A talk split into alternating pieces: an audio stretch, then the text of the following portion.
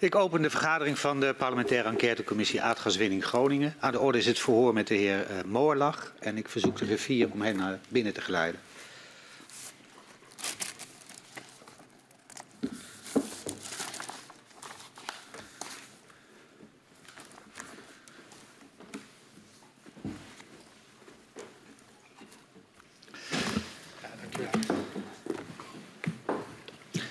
Welkom, meneer Moorlach, bij de parlementaire enquêtecommissie Aardgaswinning Groningen. 60 jaar aardgaswinning heeft Nederland veel gebracht, maar kent zeker voor gedupeerde schaduwkanten. De commissie onderzoekt hoe deze schaduwkanten hebben geleid tot het besluit om de aardgaswinning in Groningen te stoppen. We willen weten hoe de besluitvorming op cruciale momenten is verlopen. Hoe private en publieke partijen hebben samengewerkt bij de gaswinning. We onderzoeken de aardbevingen zelf en de ontwikkeling van kennis daarover, de afhandeling van schade veroorzaakt door de bevingen en het proces van het versterken van gebouwen in Groningen. U bent uh, een aantal jaren gedeputeerde geweest in de provincie Groningen, ook ten tijde van uh, de nasleep van uh, Huizingen. En u wordt gehoord als getuige. U heeft ervoor gekozen om de belofte af te leggen en daarmee de gehele waarheid en niets dan de waarheid te zullen zeggen. Daarom verzoek ik u om even te gaan staan en mij na te zeggen, dat beloof ik. Dat beloof ik. Dan staat u onder ede, mag u plaatsnemen. Het verhoor met u wordt afgenomen door mevrouw uh, Tiele en mevrouw Kat. En mogelijk dat uh, mevrouw Kuik op het einde ook nog enkele vragen aan u heeft. Ja. Dat is helder? Dan gaan ja. we van start. Meneer eh, Moorlach, u was van 2003 tot 2009 fractievoorzitter van de Partij van de Arbeid in de Provinciale Staten van Groningen. En daarna was u van 2009 tot 2015 gedeputeerde in Groningen. Met in uw portefeuille financiën en ook later aardbevingen. In dit verhoor willen we het met u hebben over onder andere de commissie Meijer, het bestuursakkoord van 2014, de dialoogtafel en de versterkingsopgave. Maar we beginnen bij 16 augustus 2012. Dan vindt de beving bij Huizingen plaats. En Pieter Vijmesdag, uh, uw collega in het, uh, in het College van Gedeputeerde Staten, heeft als gedeputeerde gaswinning in zijn uh, portefeuille. Wat was uw reactie na die beving op, in Huizingen? Op, uh... Nou, allereerst uh, was dat thuis. Ik uh, woonde toen in Winsum. En daar begon de lamp heen en weer te schudden en het serviesgoed stond in de kast te rinkelen. Dus dat mhm. was een beving die, waarvan ik onmiddellijk wel in de gaten had dat die veel impact had. Er waren ja. wel zatere bevingen geweest, in West-Remden onder meer. Um, in uh, de periode uh, daarna um, is, er, uh, is er actie ondernomen. Er is, er is, een debat in de Staten is er geweest. Er is een motie toen aangenomen om het. en u zegt in de periode daarna, welke, hoeveel dagen, weken na die beving moet ik er dan aan denken? dan moet u denken aan, aan september. september. Toen, is, toen, is, er een debat in, in de Staten gevoerd. -huh. Um, Kijk, Wat was, daar, was daarvoor binnen het college van gedeputeerde staten al uh, gesproken over die beving in Huizing? Um, ik denk uh, in de eerste vergadering nadat wij van het reces uh, terugkwamen, dat we erover uh, over hebben gesproken. Mm -hmm. Kijk, op dat moment, um, die beving die had echt veel impact. Hè? Mm -hmm. Mensen die echt verschrikt de straat op zijn, zijn gerend. Um, maar toch was het algemene beeld nog wel van uh, het is een eh, kwestie van, uh, van schade en overlast. En dan zie je ook in het debat in de Staten dat het zich daarop toespitst. Mm -hmm. uh, dat het gaat over het ehm, verbeteren van het schadeafhandelingsproces. Ja. Ehm, dat was de perceptie. En die perceptie werd drastisch anders op 25 januari 2013 toen de minister met, met zijn brief kwam waarin hij aankondigde dat het ook een veiligheidsissue was. Ja, en daar wil ik zeker met u op eh, doorgaan. Maar ik ben nog even benieuwd naar inderdaad die eerste periode na die uh, aardbeving. Want u zegt al, we hebben het in, het college, in de collegevergadering ook wel over gehad. Uh, de, idee was dat de, de, impact wel groot was. Welke acties ondernam gedeputeerde staten naar aanleiding van de beving? Nou, um, mijn collega de Vijmestag was, uh, was toen um, verantwoordelijk voor de ondergrond en, um, en gaswinning. -huh. die heeft, naar mijn weten, bestuurlijk heeft hij overleg gevoerd in, uh, in, in de regio.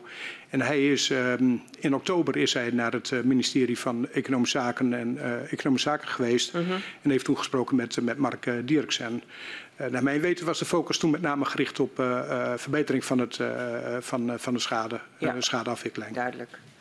En vanaf welk moment bent u zichzelf bezig gaan houden met de aardbevingsproblematiek? Dat is pas uh, geweest vanaf oktober 2013. Uh, rond die tijd is uh, collega de Vijf Mestdag is, gestopt als, als gedeputeerde. -huh. En op dat moment um, daarvoor had ik wel bemoeienis, maar dat was dan meer langs partijgenootschappelijke lijnen was dat. En die brief van 25 januari heb ik op 28 januari heb ik al een notitie gestuurd naar de Noordelijke Kamerleden eh, van, eh, van de PvdA. Dus dat liep met name via de. Via die lijnen. Ja, en het was uh, tot dat moment uh, in de interbestuurlijke contacten had de commissaris had natuurlijk een verantwoordelijkheid. Maar de vijfmestdag was trekker op het dossier. Ja, en u, u, u, officieel zeg maar in oktober 2013 zei u. Ja, nog maar iets later eigenlijk. We hebben nog wel wat stappen door te nemen voor we daar zijn.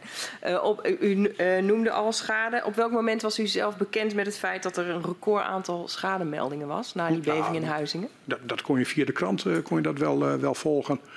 Uh, Dagblad van het Noorden, een goede regionale krant, die heeft daar regelmatig over, over, over bericht. Mm -hmm. En toen was ook duidelijk dat er, um, ja, dat er veel meer schades waren. Het was niet echt een cultuur in Groningen om die schades dan ook maar te, gaan, te, gaan, te gaan melden. Dat is, later is dat, is dat anders, is dat anders geworden. Ja. Wat was uw eigen reactie op die grote aantallen schademeldingen? Ja, um, dat kunt u ook uh, nalezen uh, in het debat uh, dat de Staten hebben gevoerd. Um, ja, die, die schadeafwikkeling moest worden verbeterd. Dat was in vele jaren daarvoor was dat ook al een issue -hmm. geweest. Statenlid Kuller die heeft toen geijverd voor verbetering van, van, van de schadeafwikkeling. Um, maar dat, dat was de lijn. Het werd in die periode nog helemaal gedefinieerd als overlast en schade. En die schadeafwikkeling moest, moest worden verbeterd. Ja. U noemde het al, hè, op 25 januari 2013 schrijft minister Kamp in een Kamerbrief uh, dat er aardbevingen kunnen ontstaan met een magnitude die groter is, hoger is dan 3,9 op de schaal van Richter. En in een uh, NRC-artikel uh, dat wij lazen, dat gepubliceerd werd op 15 februari 2014, staat dat u wit wegtrok bij het lezen van die Kamerbrief. Ja, ik werd, Wat kunt u daarover zeggen? Ik werd gebeld door een journalist, die attendeerde mij op die brief. Ja. Wel, weliswaar was Bart van der Leenput, directeur van de NAM, langs geweest bij de Vijfmestdag en, uh, en de commissaris. Maar die had daar heel omvloerst een boodschap verkondigd dat er ja, toch wel wat issues waren met, uh, met de gaswinning. Maar bij lezing van die brief uh, ja, werd het in één klap werd het duidelijk. Het gaat niet alleen meer om overlast, het gaat niet alleen meer om schade. Maar het gaat echt om een, om een belangrijk veiligheidsrisico gaat het om. -huh. En dat doet wat met mensen. Als er één plek is waar je veilig wilt voelen, is wel in je eigen huis. Mm -hmm. En dat kwam daarmee op de helling uh, te staan. Ja, en dat was de reden dat u wit wegtrok?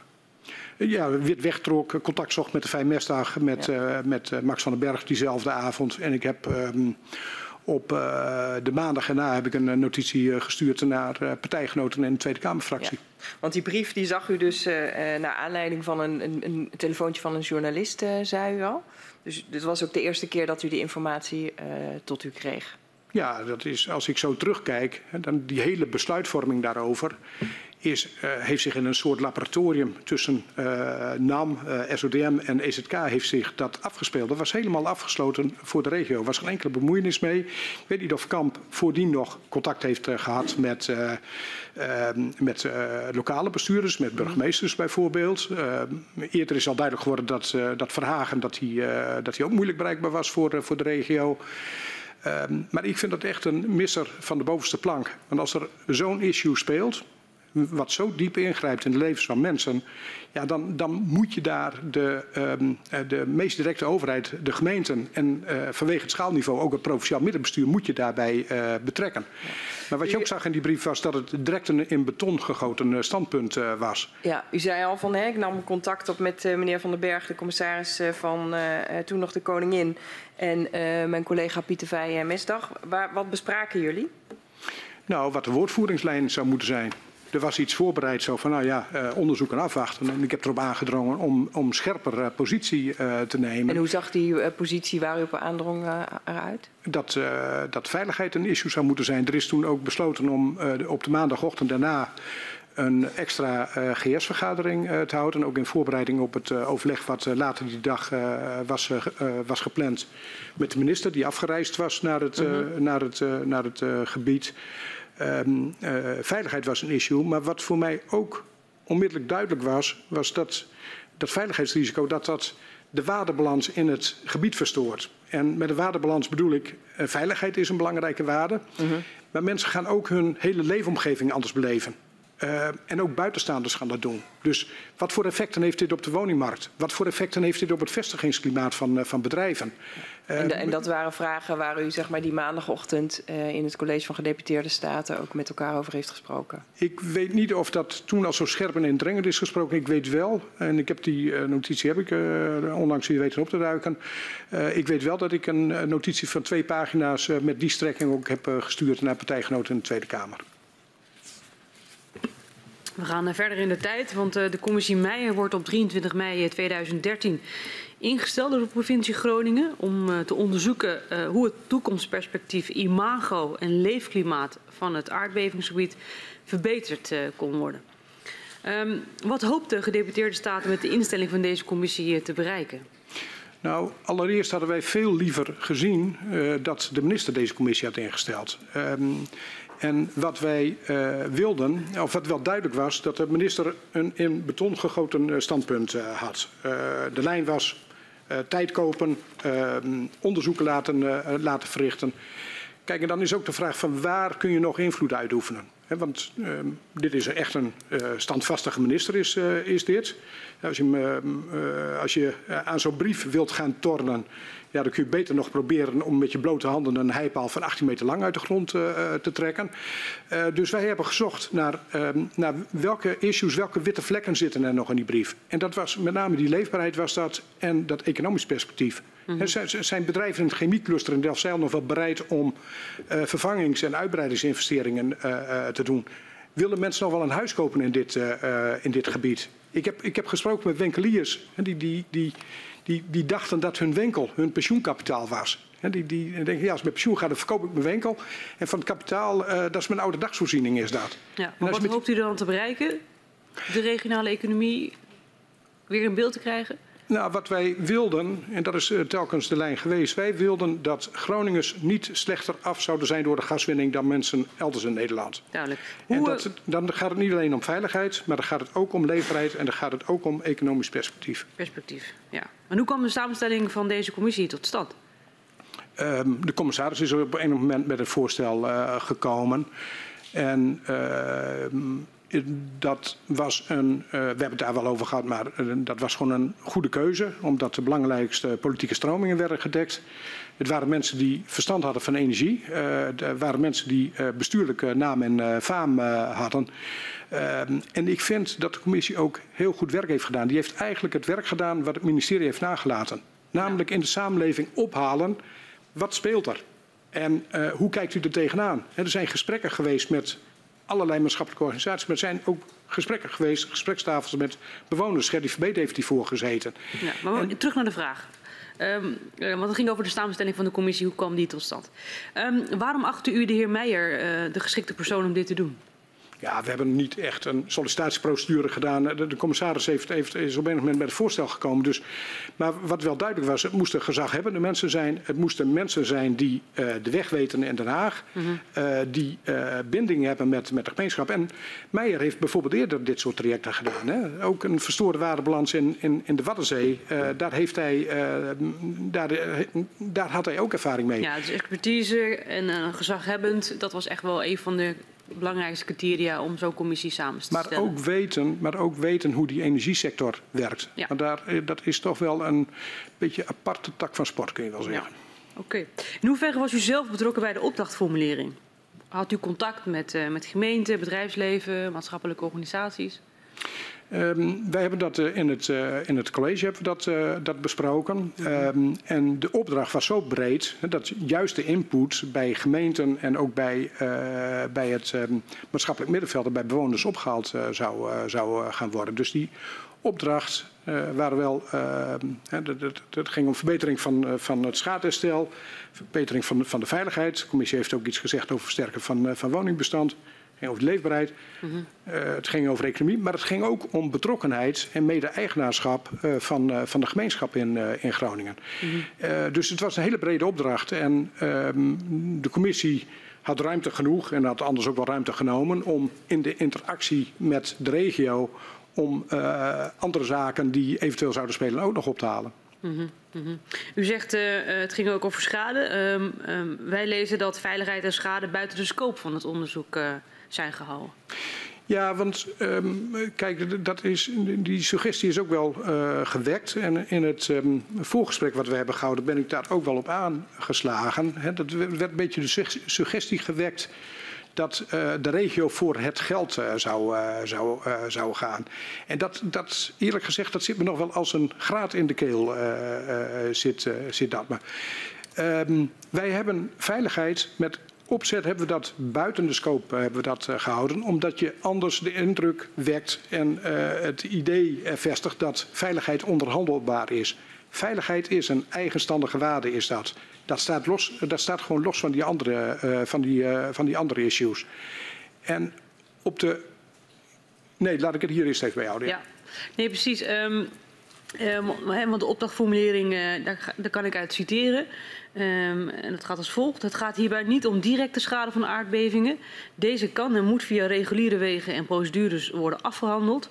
Aan de orde is hoe het toekomstperspectief, het imago, de vestigingsvoorwaarden en de belevingskwaliteit voor het gebied duurzaam kunnen worden verbeterd. Ja. En welke maatregelen daartoe moeten worden genomen. Ja, dat klopt. Dat was zeg maar ook een witte vlek in de aanpak van de minister. De minister had een hele.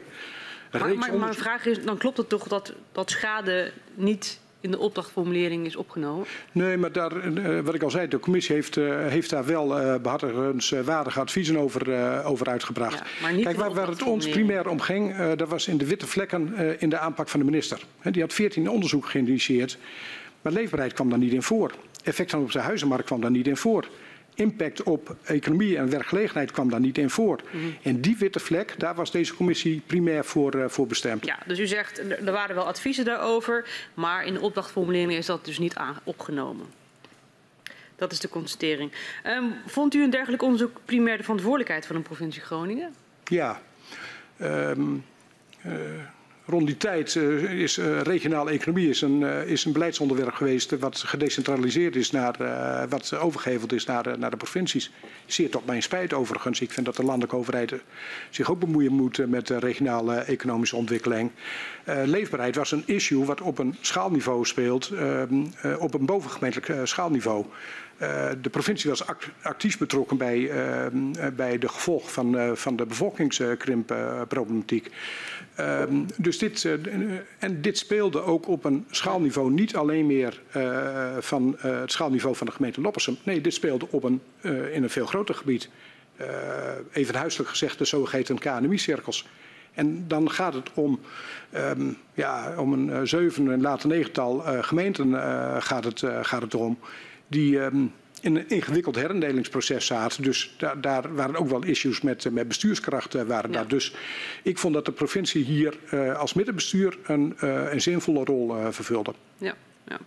Um, u verklaarde net al dat minister Kamp dit onderzoek niet wilde uitvoeren. Um, wat vond u daarvan? Ja, um, ja gewoon ongepolijst gezegd, ik vond dat dom. als, je, als je kijkt naar, naar de impact hiervan, hè, een veiligheidsrisico, wat dat doet met de hele, hoe je je, je, je gebied beleeft. Mm -hmm. Um, uh, ja, ik, de, de, het, is, uh, het is echt veel te eng en veel te monomaan is het, uh, is het naar mijn oordeel aangepakt door de minister. Ja. Welke redenen kreeg u te horen waarom dit onderzoek niet door minister Kamp werd uitgevoerd? Uh, via partijgenootschappelijke lijn heb ik begrepen dat de minister uh, vond dat hij in de voorliggende periode al uh, te veel concessies had moeten doen naar de PvdA-fractie. En dat zal op andere dossiers geweest zijn. Dat is wat ik heb gehoord. Even voor wat het waard is. Ja, dank u wel. Um, op welke manier heeft u steun en draagvlak voor de plannen van commissie Meijer proberen te, proberen te krijgen? Uh, dat heeft de commissie Meijer uh, zelf ook in behoorlijke mate gedaan. Dat is uh, in de loop van deze enquête is dat voor mij ook meer zichtbaar geworden. Je ziet bijvoorbeeld ook dat in het college, college, van Beheer het Maatschap het wordt, wordt, besproken. Ze hebben daar goed werk mee gedaan. Kijk, het punt was als je zo'n advies opstelt. Um, ja, dat advies moet ook gaan landen. Dan moet je de landingsbaan moet je obstakelvrij maken. Ik ben uh, samen met uh, Wim Meijer naar de Tweede Kamerfractie van de PvdA geweest. Uh, die fractie was belangrijk, maakte deel uit van de, van de coalitie. Um, dat was op uh, 16 oktober 2013. En daar hebben we een fractiecommissie van, uh, van de PvdA hebben we daar te woord gestaan. Adje Kuiker zat erin, Mariette Hamer zat erin, Noordelijke Kamerleden zaten daarin. Behoorlijke afvaardiging. En Wim Meijer heeft daar het, heeft daar het advies toegelicht. gemotiveerd waarom die aanpak nodig was. Mm -hmm. En dat heeft er ook in geresulteerd dat na het uitbrengen van het rapport... dat Henk Nijboer als Noordelijke Kamerlid ook uh, publiek heeft uitgesproken dat dat uh, advies gevolgd zou moeten worden. Althans, ja. zeer, zeer, serieus genomen zou moeten worden. Ja, dus u sprak daar met de PvdA-fractie, maar sprak u ook met de bewindspersonen van de PvdA? minister Ascher en minister Dijsselbloem? Nee, in die periode niet. is, ehm, in die periode is alle politieke beïnvloeding is via de lijn van Noordelijke Kamerleden, woordvoerders en... en ehm, en eind 2013 ook met de fractievoorzitter, met uh, Dietrich Samson en in de periode daarna ook. En pas in de loop van 2014 uh, heb ik uh, contact gehad met uh, bewindslieden, onder meer in het bewindspersoonenoverleg. Ja. Nou, daar komen we straks uh, op terug. Um, in dezelfde periode als de commissie Meijer startte binnen het ministerie van Economische Zaken een werkgroep, uh, Leefbaarheid. En was u daarvan op de hoogte? Nee. Ja, wat vond u van het feit dat het ministerie parallel ook zo'n werkgroep had ingesteld? Ja, ik vond er niks van, want ik wist het niet. Dat is waar. Naar aanleiding eh, van het advies van de commissie Meijer wordt er onderhandeld met het Rijk over het bestuursakkoord. Hoe was u zelf betrokken bij die onderhandelingen? Um, ik dat is eerst om ruimte te krijgen voor het überhaupt kunnen voeren van onderhandelingen. Ik ben op de dag voor het kerstreces van 2013 ben ik bij Dietrich Samson uh, langs geweest. Um, en ons beeld was dat er uh, ja, geen beweging zat. Je ziet wel dat er achter de schermen dat er uh, wel wat zaken speelden. En die, die ene commissie, ik snap ook niet dat dat niet gecommuniceerd is. Er is tussentijds wel gecommuniceerd dat de commissie zou komen om, om uh, naar de woningmarkteffecten uh, te kijken. Dit, dit is niet, niet, niet gecommuniceerd. Maar ik ben toen bij Diederik Samson ben ik langs geweest met de boodschap, ja, we komen er niet door. En, en, toen, wanneer was dat, zei u? Uh, dat was op de laatste dag voor het kerstreces van 2013. Uh, was okay. dat, ik meen op 19 december. Dat was eind december uh, 2013. Ja. ja. En ehm, wat ik van Diederik Samson terug heb gekregen is dat hij Henk Kamp die avond heeft gebeld. En dat hij aan Henk Kamp heeft gevraagd om met de, om met de regio in overleg, in overleg te gaan. -huh. Mhm. En ehm, de minister heeft dat heeft dat gehonoreerd. Niet direct. Die heeft de uh, hele kerstreces heeft hij al die uh, met de stofkam is hij door al die rapporten gegaan. En vervolgens zijn wij, als ik het goed heb, op 9 januari ben ik samen met de commissaris bij de minister langs geweest in Zutphen naar ik meen. En, um, en toen was het 2014? Ja, ja. dat was begin 2014. Ja. En, uh, en u uh, uh, beschrijft zeg maar, hoe, u, hoe minister Kamp toen wel bereid was om te gaan onderhandelen? Nou, dat ging niet gemakkelijk. Want de minister die had een plan uitgedokterd. -hmm. En dat, dus die zat in de zendmodus. Die probeerde ons te overtuigen van de zegeningen van dat, van dat plan. Ja. En ik moet eerlijk zeggen, er zaten best wel robuuste elementen in, in wat, hij, wat hij voorlegde. Maar het schaalniveau, het gebied was, uh, was te klein. Uh, op uh, belangrijke thema's van de commissie Meijer ja, werden geen voorzieningen getroffen. Zoals? Wat, wat, denkt u dan aan? Nou, dan, dan, dan denk ik bijvoorbeeld aan dat thema leefbaarheid. Je kunt het ook lezen in, het, in, het, in de notulen van het college van, van beheer van het maatschap Groningen. Dat, dat, men daar ook zo zegt dat men niks in glasvezel uh, ziet. En ik heb het idee van ja, dat die opinies daar dat die, uh, dat die wel, uh, wel waren doorvertaald in het, um, in het voorstel wat de minister voor ogen had.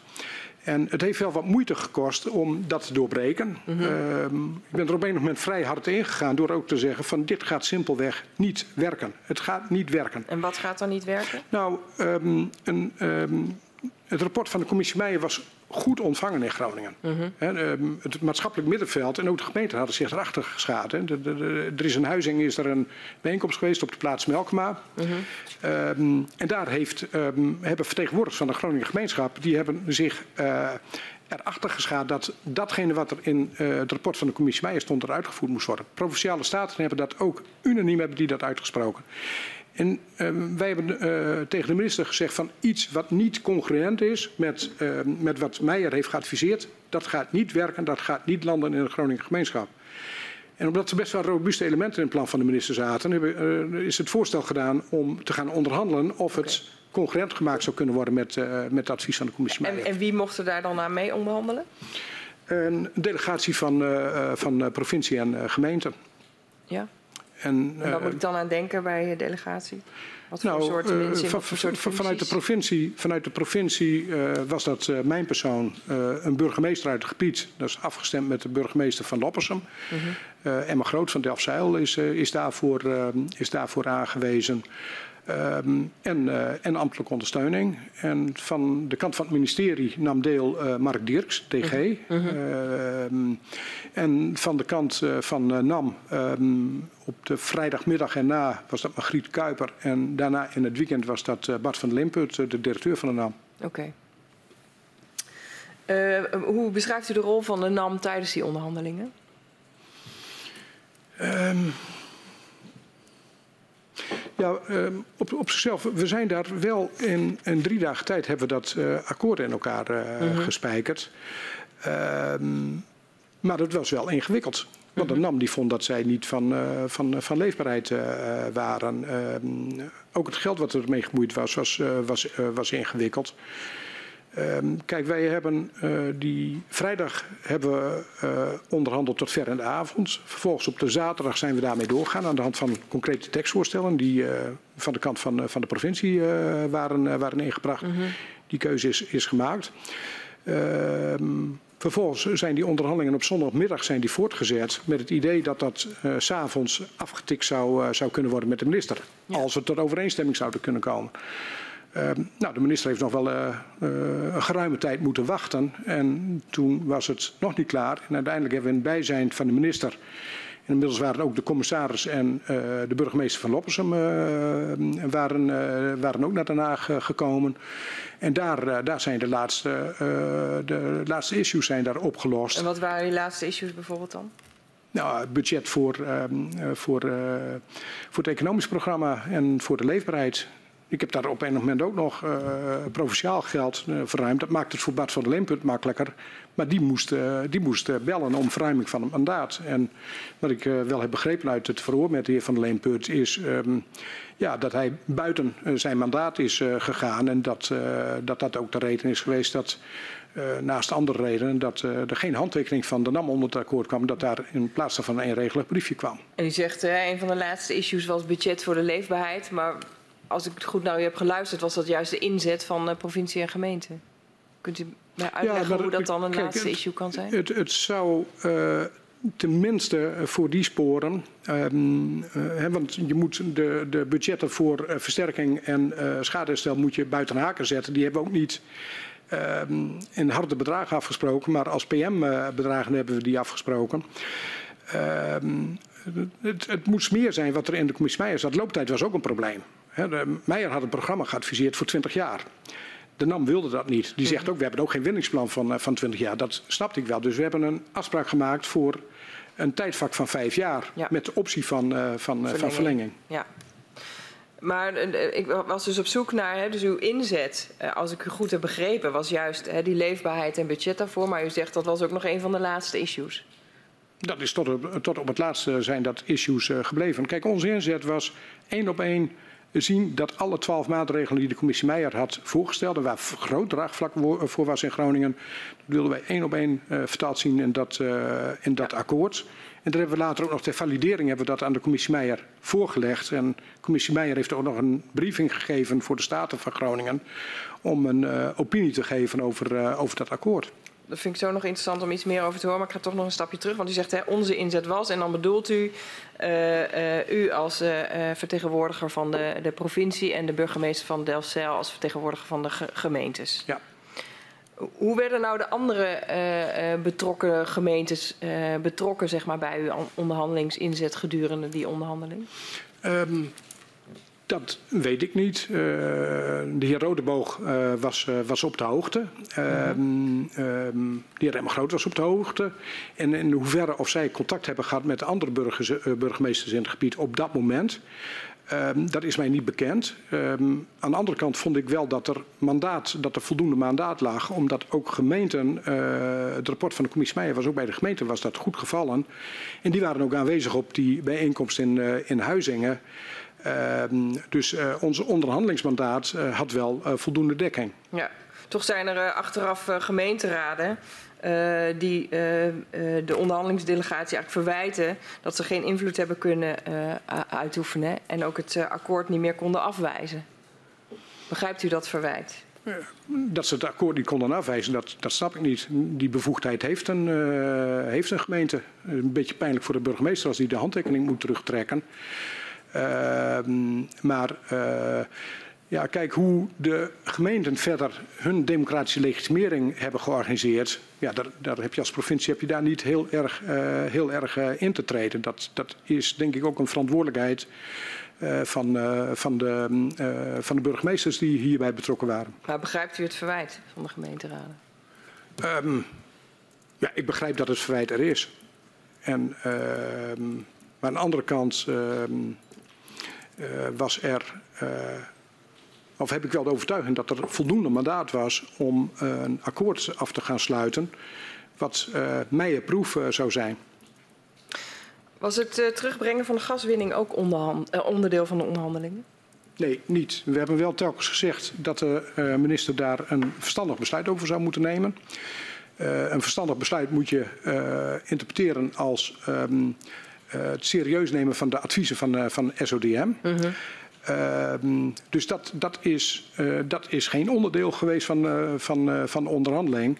We hebben richting de minister wel gezegd van... Joh, als je draagvlak wilt behouden voor gaswinning in Groningen... dan, um, dan gaat het om, dan, gaat het niet, dan is dit pakket is niet doorslaggevend. Maar dan moeten er verstandige besluiten worden genomen over, over de gaswinning en over reductie.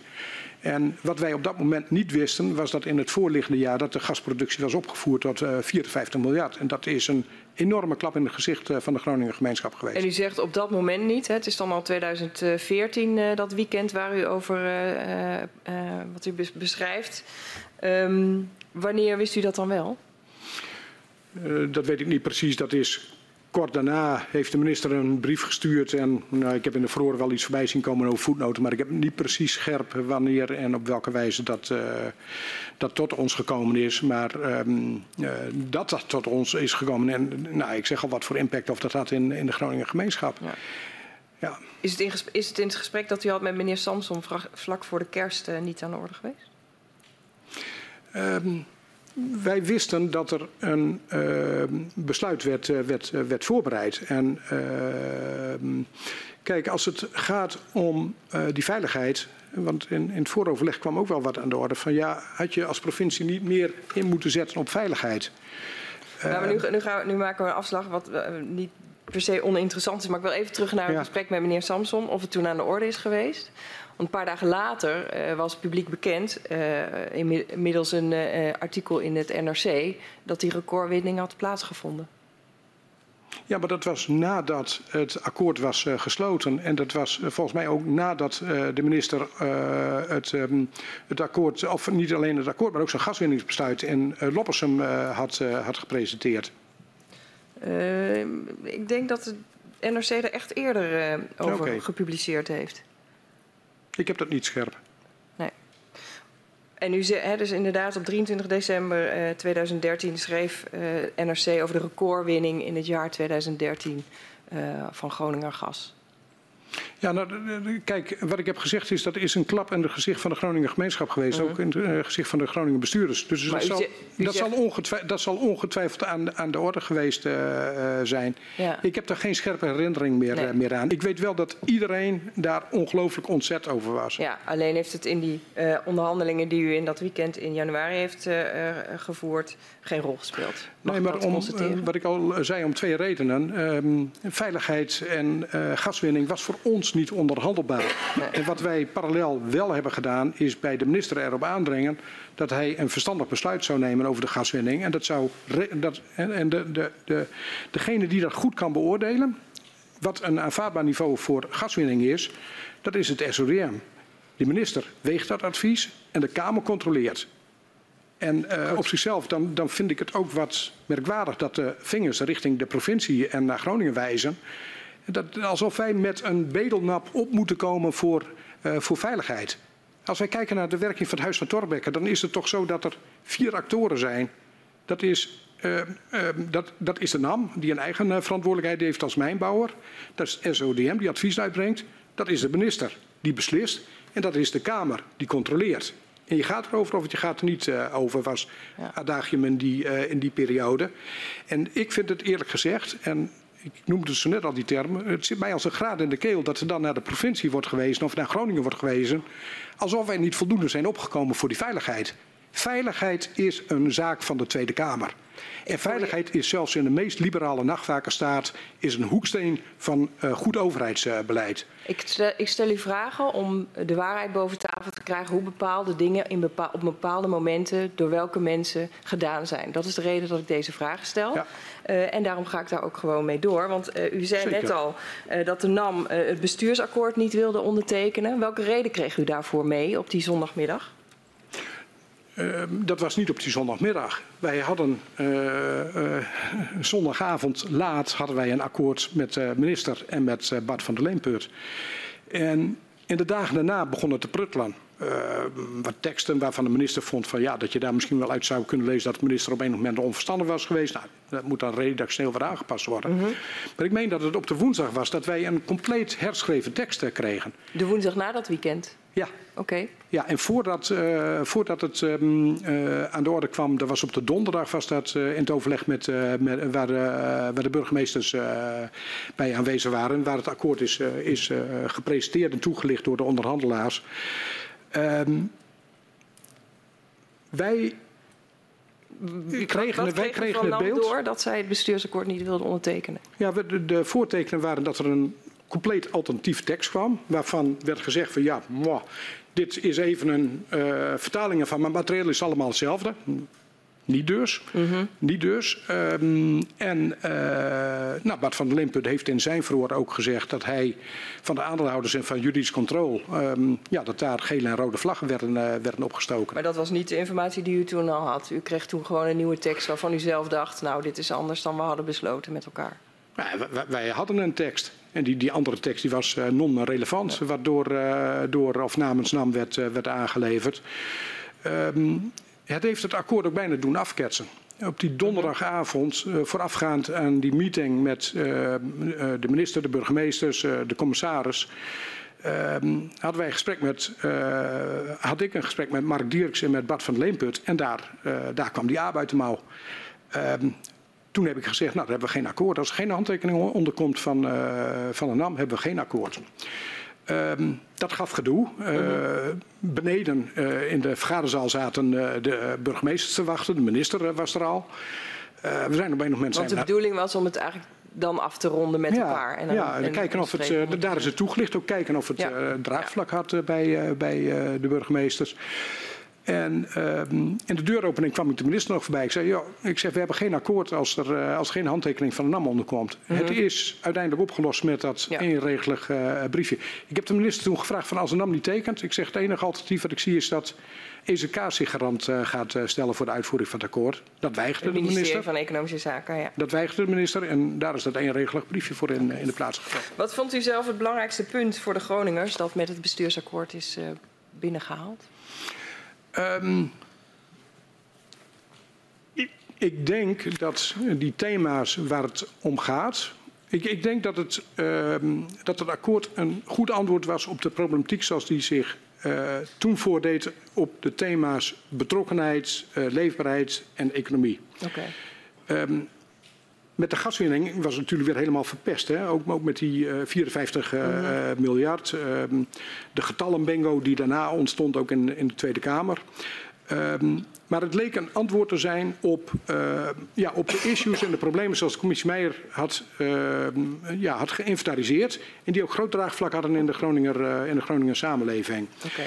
En wat ook een belangrijk winstpunt was, dat er um, ja, co-creatie en mede-eigenaarschap in Groningen uh, gerealiseerd uh, zou gaan worden uh, door de introductie van de dialoogtafel. Ja, daar komen we nog apart op terug. Wat vond u onvoldoende in het akkoord? Um, voor de Groningers? Ja, wat, eh, wat ik daar op dat moment onvoldoende. Het was, uh, het was uh, uh, concurrentie met het advies van de commissie Meijer. Um, dat was het goede. Ja. Um, maar het andere compartiment, de gaswinning, mm. dat was niet goed. Nee. Dat was niet goed. Dat was, ja. Hoe beoordeelde u de bedragen die werden vastgesteld in dat akkoord voor de economische ontwikkeling? Wat in het commissie Meijer-rapport een uh, belangrijk punt was. Ja, ik, ik, zag dat ook al in eerdere verhoren voorbij komen. Van, um, he, dat er wordt gezegd van ja, is dat, uh, is dat wel een, een miljard? Um, als je naar het advies van de commissie Meijer kijkt, uh, dat strekt zich uit over 20 jaar. Uh -huh. Als je dan de bedragen per jaar neemt, dus het bedrag wat hij geadviseerd heeft, deel door 20, dat is vermenigvuldigd met 5, dan is het bedrag uh, wat we hebben afgesproken is, uh, is, is hoger. Um, dus u, bent daar, u beoordeelt dat als, als goed? Als, als, nou ja, het gaat er niet alleen om wat ik ervan vind. Nee, het gaat er ook om wat de provinciale staten ervan vinden. Het gaat er ook om wat de commissie Meijer er, uh, ervan vond. We hebben niet voor niets hebben we de commissie Meijer in de Statenzaal van Groningen gehad... om een opinie te geven over het bereikte akkoord. Ja, u vertelde dat. Uh, u zei al, hè, het was niet voor 20 jaar, hadden we graag gewild... maar dat uh, was niet mogelijk en er zat een verlenging in... Um, maar wat was de reden dat het bestuursakkoord niet zou worden verlengd als de gaswinning zou worden verlaagd? Er zit een passage in, hè, er staat langjarige continuering van de voor de komende vijf jaar voorgenomen compensatie ligt op basis van de huidige inzichten in de reden. Dit wordt anders in het geval dat de uitkomsten van de risicoonderzoeken in een andere richting wijzen of de gaswinning niet op het voorziene niveau kan worden gehandhaafd. Ja, dat was een uh, voorbouw wat, uh, wat de NAM maakte voor de periode er, uh, erna. Want ik vond dat de NAM er ook wel een punt had. En als hij zei van ja, als wij over drie jaar stoppen met, moeten stoppen met de gaswinning, dan willen we ons niet commenteren voor, voor 20 jaar. Ik vind dat, uh, ik vind dat wel een, uh, vanuit het perspectief van de NAM uh, een legitiem argument. Ik had liever gezien dat wij een budget voor 20 jaar hadden, hadden afgesproken. Commissie Meijer heeft daarvan ook wel gezegd van ja, dat, dat hadden wij ook liever, liever gezien. Um, maar ik kon die redeneertrand van de NAM kon ik wel, kon ik wel volgen. De commissie Meijer adviseert ook het instellen van een dialoogtafel en deze suggestie wordt overgenomen in het bestuursakkoord. Um, hoe belangrijk vond u dit onderdeel van het bestuursakkoord? Ik vond dat belangrijk. Um, zoals gezegd, daarvoor was gaswinning en alle besluitvorming daarover was een exclusieve uh, landelijke bevoegdheid. Uh, was dat. Uh, dat hebben we ook zo in de wet geregeld. Neemt niet weg dat je los daarvan als bewindspersonen dat je als je, uh, als je uh, informatie krijgt dat er een fors veiligheidsrisico gaat ontstaan, dat je dan bestuurlijk overleg zoekt met de regio. Dat is niet gebeurd. Um, maar op, um, ja, de opzet van de dialoogtafel was om, om mede-eigenaarschap te, gaan, te gaan creëren. Dus dat alles wat er uh, gedaan zou moeten worden om de problematiek in Groningen op te lossen, dat dat niet meer exclusief een uh, zaak was van de mijnbouwer en uh, van, het, van het ministerie. Mm -hmm. um, en ja, daarvoor is de dialoogtafel geadviseerd door de commissie Meijer en die is ook ingesteld. Ja, wat was dan in uw ogen, wat waren dan de bevoegdheden van zo'n dialoogtafel? Um, die bevoegdheden, die uh, formele bevoegdheden niet. Het is geen bestuursorgaan. Het is geen bestuursorgaan. Het is ook uh, een hoeksteen daarbij is ook van dat iedereen zijn eigen formele bevoegdheden uh, houdt. Uh, anders zou je ook de wet moeten, moeten gaan veranderen. Maar um, het gaat niet alleen om het formele, het gaat ook om het materiële. Uh, streven naar consensus over aanpak van, uh, van, van belangrijke vraagstukken die mensen in Groningen uh, zeer, zeer raken. En eerlijk gezegd had ik wel de veronderstelling van dat zowel het ministerie als de NAM daarin zouden gaan investeren. Zij hadden daar namelijk een belang bij. Als je um, een morele license to operate wilt behouden, en je hebt een formele license to dat is de winningsvergunning is dat, maar een morele, hè, kun je het überhaupt verkopen dat je daar gas wint? Dan was het belang van de NAM en van het ministerie was ook om die Groningen samenleving daar veel nauwkeuriger, uh, veel nauwgezetter bij te betrekken. -hmm. Maar als ik u goed begrijp, dan was de, de opdracht en de bevoegdheid van de dialoogtafel in uw ogen um, um, consensus bereiken om de problematiek in Groningen op te lossen.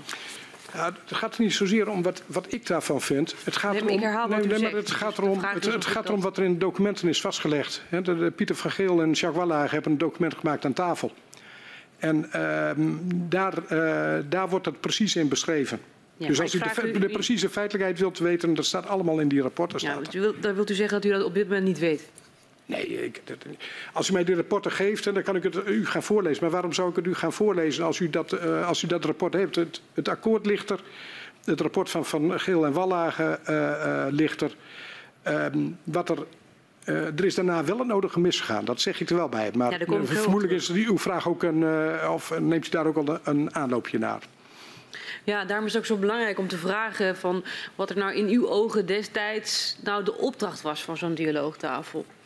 Eh, wat nou precies de bedoeling was en of dat ehm, in uw ogen destijds goed is vastgelegd.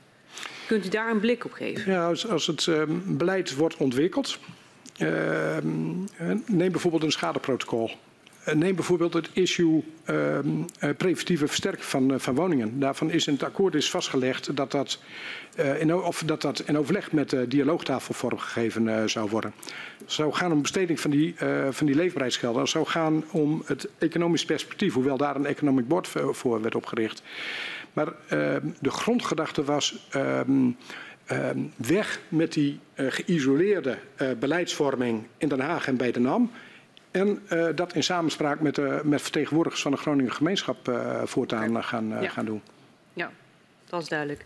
Ehm, wat was uw persoonlijke inzet bij de dialoogtafel? Opkomen voor, voor Groningen. Ehm, aanpakken van de problemen. En met, met grote urgentie. Er, lag, er lagen enorme vraagstukken lagen er. Het aantal schademeldingen stapelde zich op. Er waren klachten over de afwikkeling van de schademelding. Maar het allerbelangrijkste, en dat is tijdens de eerste, ehm, eerste vergadering van de dialoogtafel is dat aan de orde geweest. Als je door Groningen reed, mijn maag draaide om als je bij de huizen langs eh, reed die in de stutter stonden. En eh, u heeft vermoedelijk ook dat NRC-artikel eh, gezien hè, met, met de boerderij van Liefke Munneke. met ehm, eh, met door schimmel aangetaste stutten omdat die daar jarenlang hebben gestaan. Ik heb tijdens die eerste bijeenkomst van de dialoogtafel tegen Bart van Leemput gezegd... die 250 woningen die op dat moment in de stutten stonden... die moeten zo snel mogelijk uit de stutten.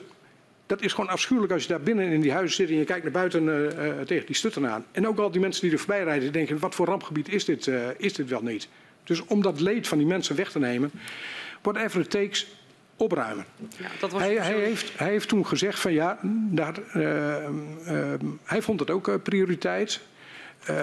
Maar eh, in juli bleek al dat de NAM op dat punt eh, niet, eh, niet presteerde. Eh, Daar ja. komen we ook straks op terug. U vertelde net van ehm dialoogtafel functioneerde later anders dan, dan verwacht. Hoe, hoe werkte dat in de praktijk? Wat waren de verwachtingen tijdens de onderhandelingen die u had en vervolgens de werkwijze van de dialoogtafel? Nou, allerlei zaken ehm, eh, op consensus gericht overleg.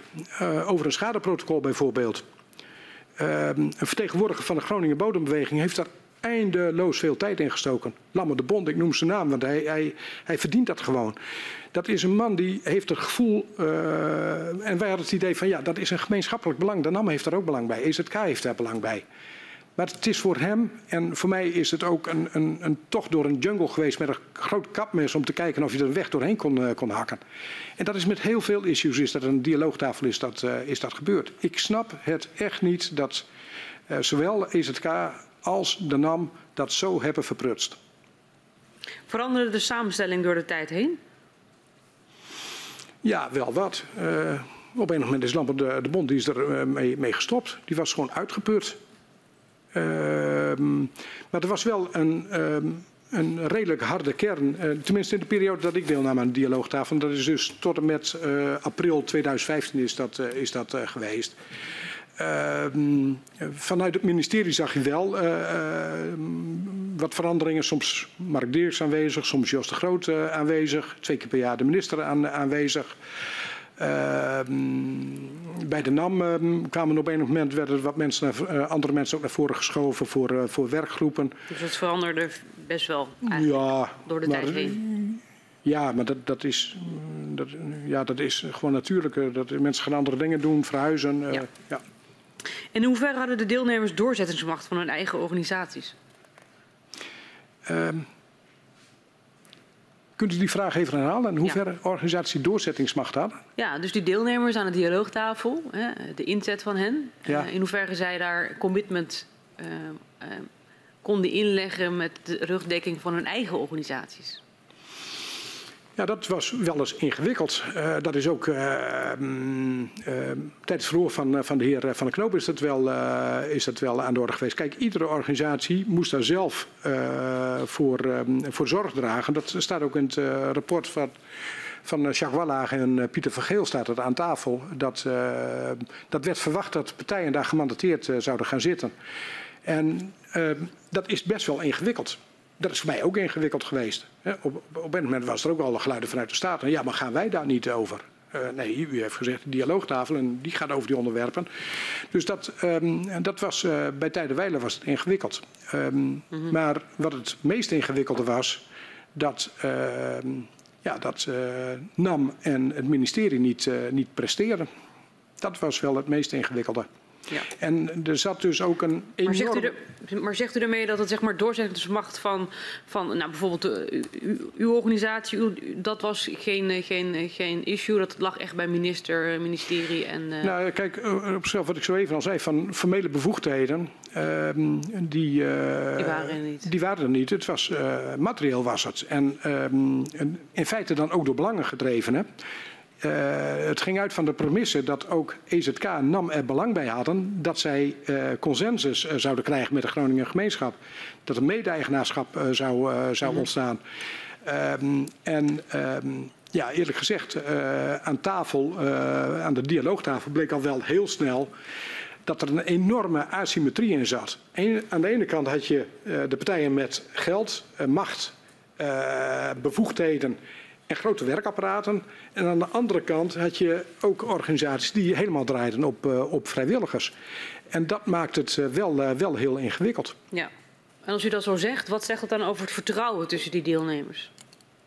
Ik had het idee dat bij aanvang um, dat er een basis was tot, tot samenwerken.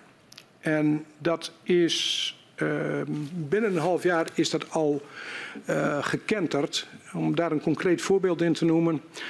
Um, de versterking, daar zou de dialoogtafel nadrukkelijk bij betrokken worden. Stond ook in het uh, bestuursakkoord uh, stond dat.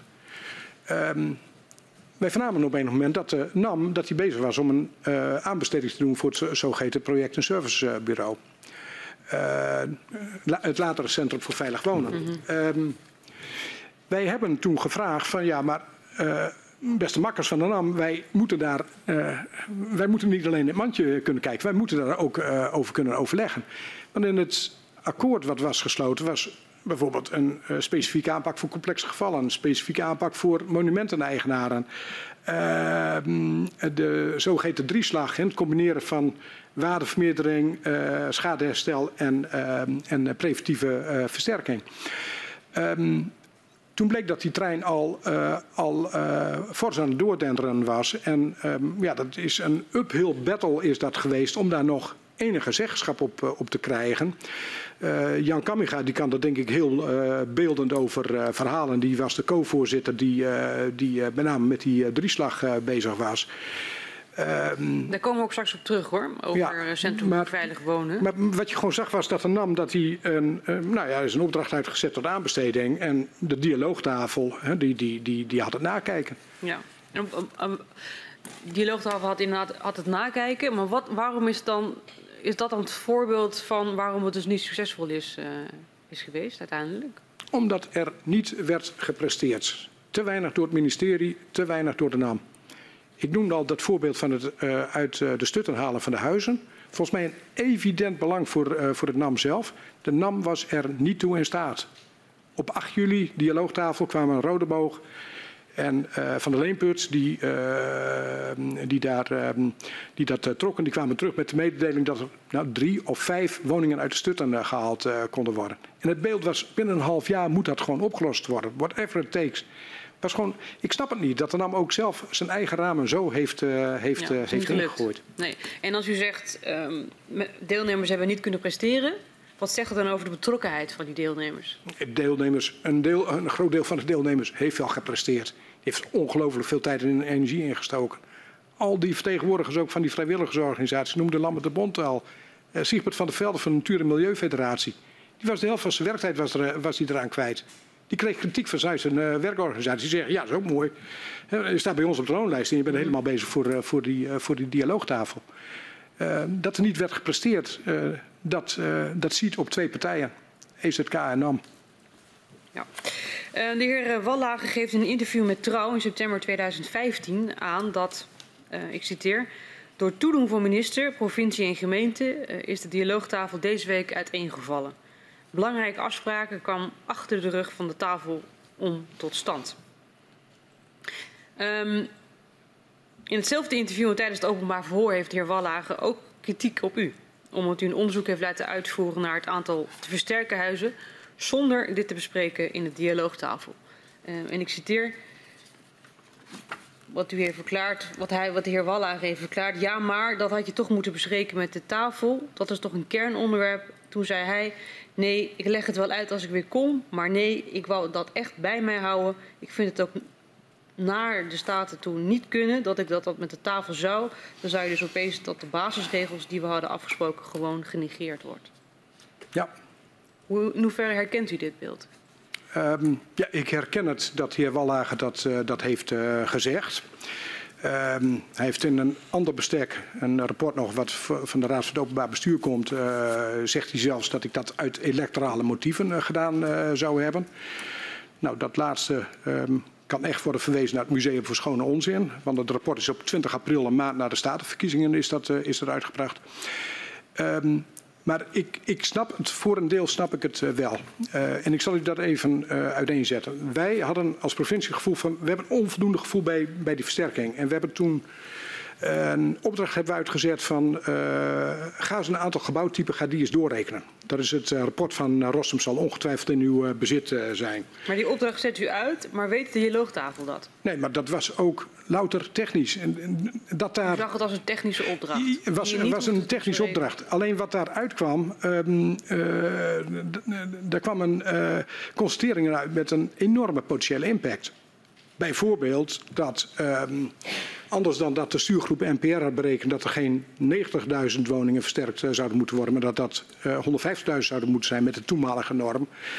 Uh, maar ook bijvoorbeeld dat de Venneflat en Delfzijl, uh, daar werd nogal iets over gezegd, over, over de veiligheid. Daar werd de burgemeester van, uh, van Delfzijl werd daar heel zenuwachtig over. Want die zat voor een dilemma, moet ik op, opeens die flat gaan? Uh, gaan? Um, dus dat was al ingewikkeld om dat in het overleg met de burgemeesters, om dat af te stemmen. Wij hadden dat niet voorzien op het moment uh, van dat we die opdrachten uitzetten. Het was louter een technisch onderzoek uh, was dat. Ja. En dan zie je ook de spanning die er is tussen de representatieve democratie en de participatieve democratie. De dialoogtafel het laatste. Um, maar ik ben wel gehouden aan uh, de provinciewet waarin staat dat ik uh, de staat als eerste moet, uh, moet informeren als het om echt uh, majeure politiek gevoelige situaties gaat. Dus wat ik heb gedaan op die maandag 20 april is dat rapport uitgegeven. We hadden toen een werkgroepbijeenkomst van, van de dialoogtafel, een werkgroep drieslag. Ja. Kamiga zat dat voor. Ik heb dat daar toegelicht en voorafgaand daaraan heb ik Wallaag heb ik telefonisch geïnformeerd. Nou, uh, dat, is het, uh, dat is het verhaal. Ja, maar heeft u op dat moment be, ja, de afweging gemaakt? Um, het is een technisch onderzoek. Ik licht de dialoogtafel waar ik deelnemer van ben niet in. Op dat moment was dat niet een issue wat, uh, wat er was louter een technisch onderzoek. Ja, maar heeft u, heeft was, u daar vier... zelf over nagedacht en, en, gedacht, ik breng het niet in? Of was nee. u gewoon bezig met uw eigen plan en dacht u, oh, later realiseerde u zich, oh, misschien had ik misschien toch dialoogtafel moeten informeren? Nee, Want hoe nee, kijkt nee, u daarnaar? Nee, nee, u, u, u zoekt iets naar iets wat er niet is. We hebben vier typen gebouwen hebben we laten doorrekenen. Door een, nee, maar het gaat me door... niet om de aanleiding van het onderzoek. Het gaat ja, mij om het feit of u de dialoogtafel op dat moment heeft geïnformeerd. Dat is dus niet het geval. En ik vraag u vervolgens, um, het moment van informeren, heeft u daar bewust de overweging gemaakt om het wel te doen of niet te doen? Dat is wat de vraag is. Wat er uit dat rapport kwam, had ik uh, toen die opdracht werd uitgezet, daar hadden we niet het geringste vermoeden hadden we daarvan. En uh, dat had ongelooflijk veel impact.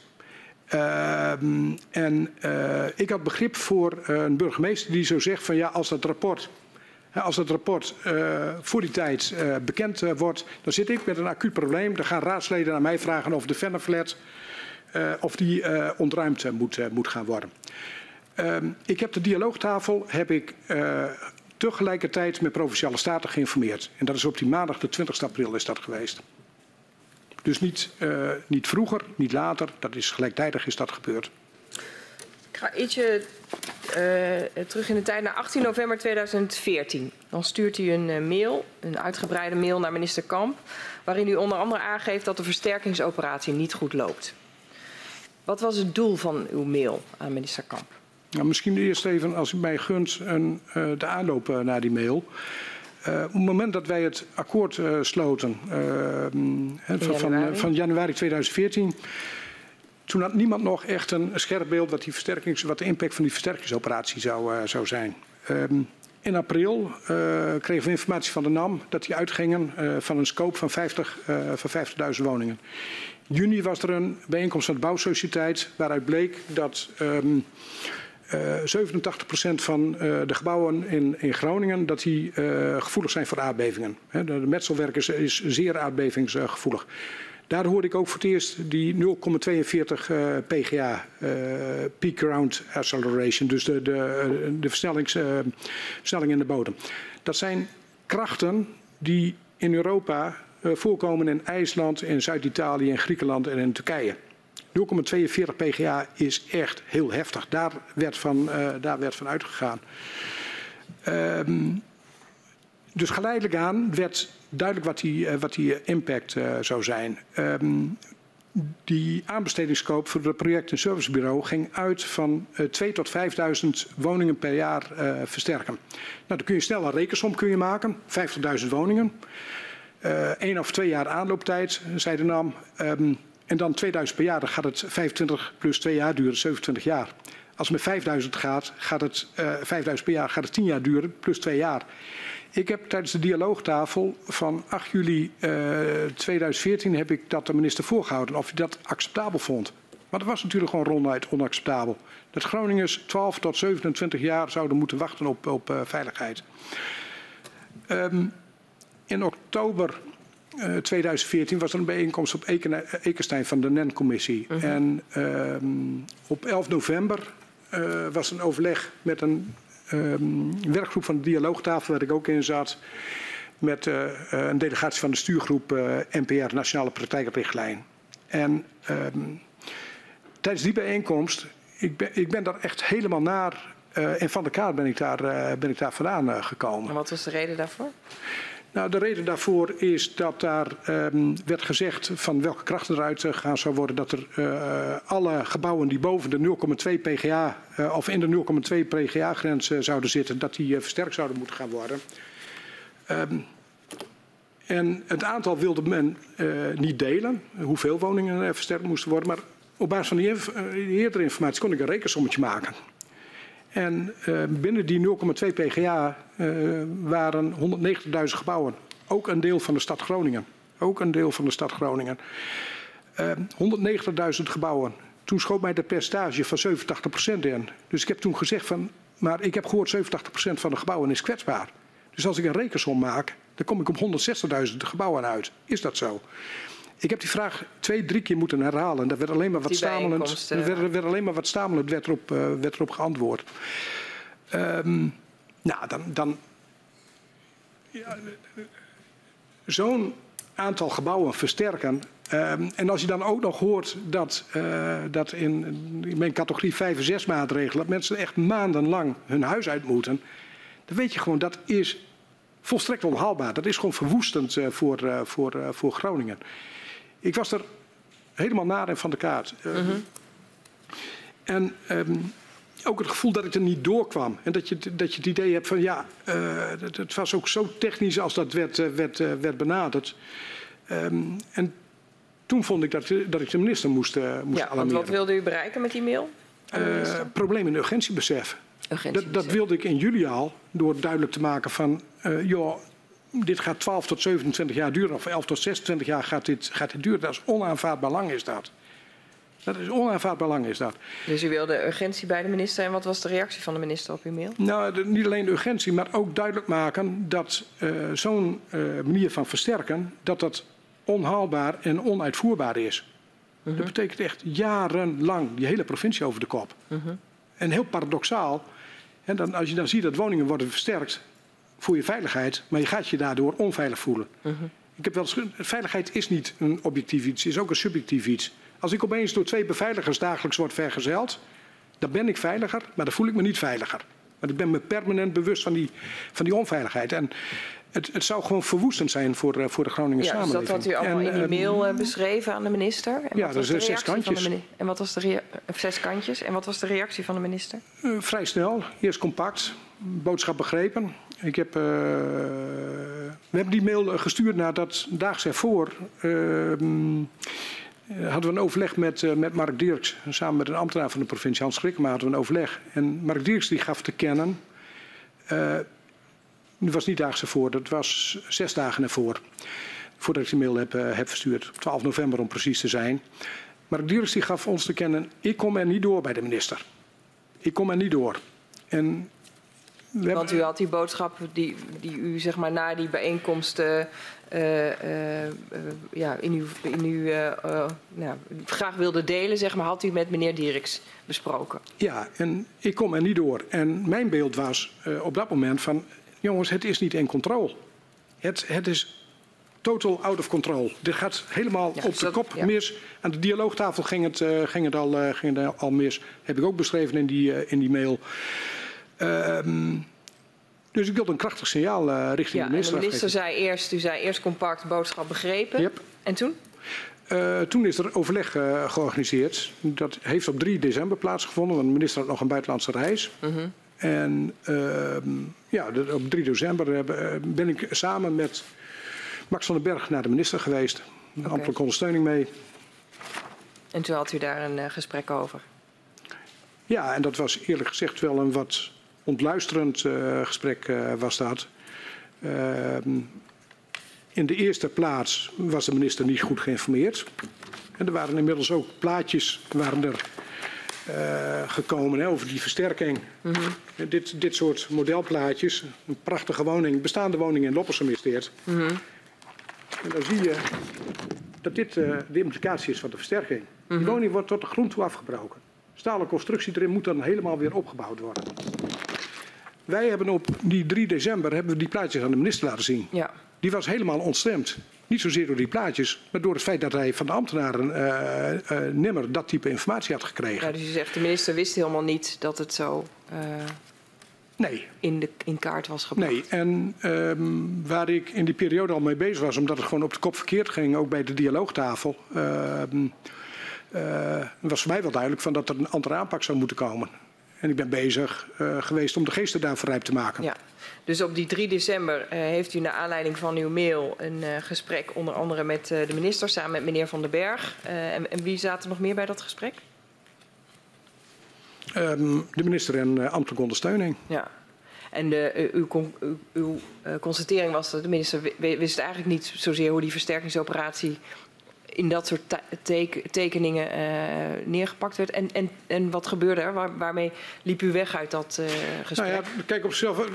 Ons idee was niet alleen om de minister uh, dat, dat duidelijk te maken, maar ook om een weg te gaan plaveien voor een aanvulling op het akkoord. Want het was, voor mij was het gewoon volstrekt duidelijk dat dit type versterking, die zo diep ingrijpt in het leven van mensen, dat, mag, je niet, dat mag je niet aan een bedrijf als een NAM mag je dat niet overlaten. Daar moet de overheid moet aan opstaan. En, en wat, wat zei de minister daarop, op, op die roep van u? Uh, daar wilde hij niks van weten. Uh -huh. Hij wilde was... daar niks van weten. Want in de periode daarvoor uh, was er al met, um, uh, met Schotman van de NAM... Um, daar had ik ook een probleem in urgentiebesef proberen te kweken. Die, Mhm. -huh. die, die, heeft nog een scan laten uitvoeren door, door Wouter van Dieren. Dat is bijna een dystopisch verhaal. Dat stuk, dat stuk heeft u volgens mij.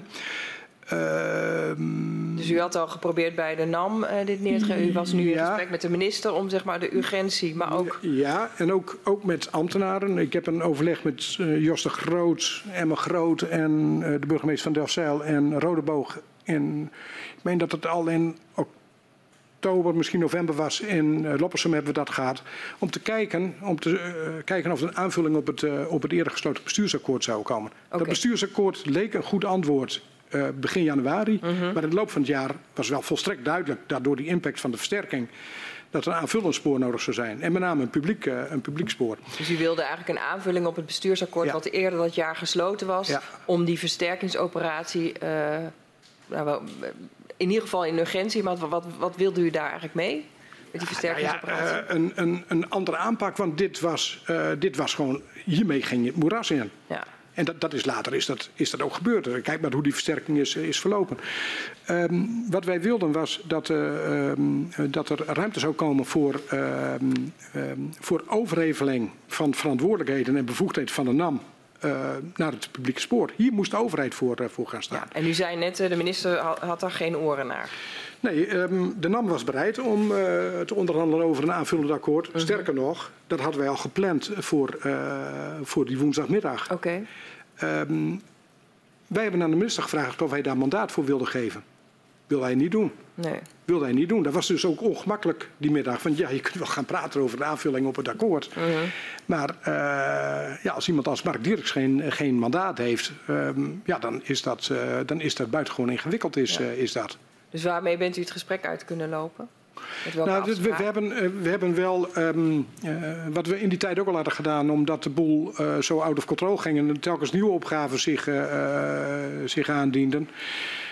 dat we een, een, we hadden een lijst van issues gemaakt die opgelost zou moeten worden. Mhm. Die lijst is uiteindelijk gegroeid tot iets van 52 onderwerpen. Mm -hmm. hele kleine. je spreekt met mensen die zeggen, ja, hoe zit dat eigenlijk als, als ik schade krijg in mijn woning, wordt het vergoed. Maar stel voor dat mijn inboedel beschadigd raakt. Oh, ik zou het niet weten. Mm -hmm. Op het lijstje zetten. Dat was een klein iets. Maar er waren ook echt hele grote issues. Um, en uh, ja, daarover uh, vonden wij dat, dat um, de partijen die oorspronkelijk dat akkoord hadden gesloten, dat die zich daarover zouden moeten buigen, dat er een aanvulling op, op zou komen. Ja, aan de hand van die issue-lijst. En nou, u zegt eigenlijk, hè, die, die versterkingsoperatie was eigenlijk onhaalbaar. En u noemde al uh, doorlooptijden die het zou ja. kosten. Wat, wat, was uw, wat was uw gewenste op, oplossing naast het meer publieke regie geven?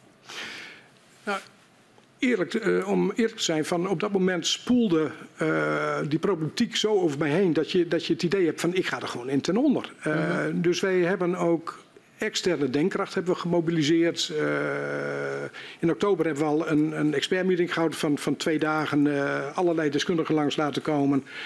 Uh, nou, een, een, van die acties was dus ook om dat technisch onderzoek uit te halen. Wat, wat behelst die, uh, mm -hmm. die, uh, die versterking precies? Hè, wat, waar mevrouw Kat zo even over vroeg.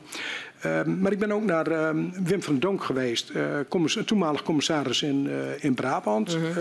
maar die was ook voorzitter van de Wetenschappelijke Raad voor het Regeringsbeleid geweest. En die Mhm. -huh. had een belangwekkend rapport over veiligheid hadden die, hadden die geschreven. En ik vond dat een totaal ander concept zou moeten komen voor um, uh, een alternatief zou moeten komen voor die versterkingsoperatie. Want het middel was erger dan de kwaal. Ja, dus... en, en, dat blijkt ook, dat blijkt ook hè. Uh, nog geen twee, drie weken geleden stond een interview in de krant van iemand. Huis versterkt. Die zei het heel treffend. Hij zei, mijn huis is versterkt, maar zeven jaar van mijn leven is verwoest. Ja. Zeven jaar van mijn leven is verwoest. Ja, dus zei eigenlijk, de, die versterkingsoperatie zit helemaal op het verkeerde spoor, moet op een totaal andere manier benaderd worden. Dat, dat is wat u zegt. Ja.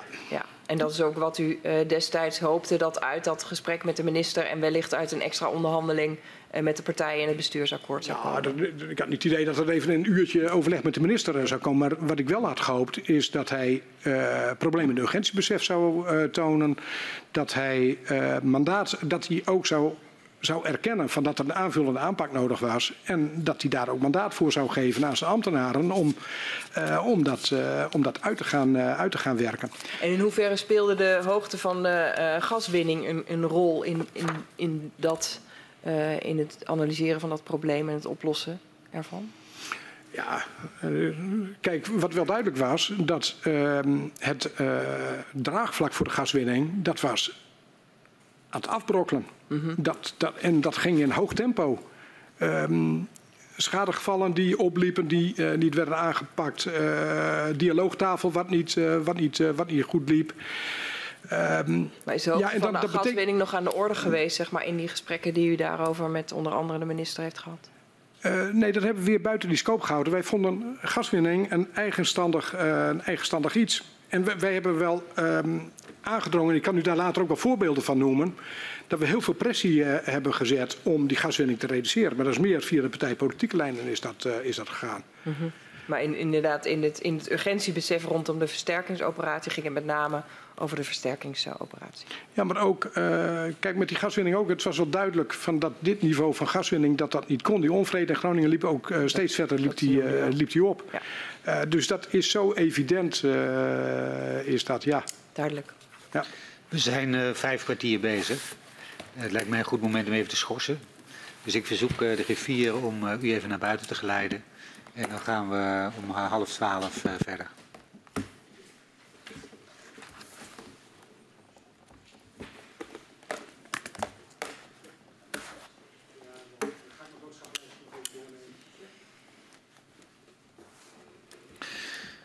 Zoals gezegd schors ik tot half twaalf.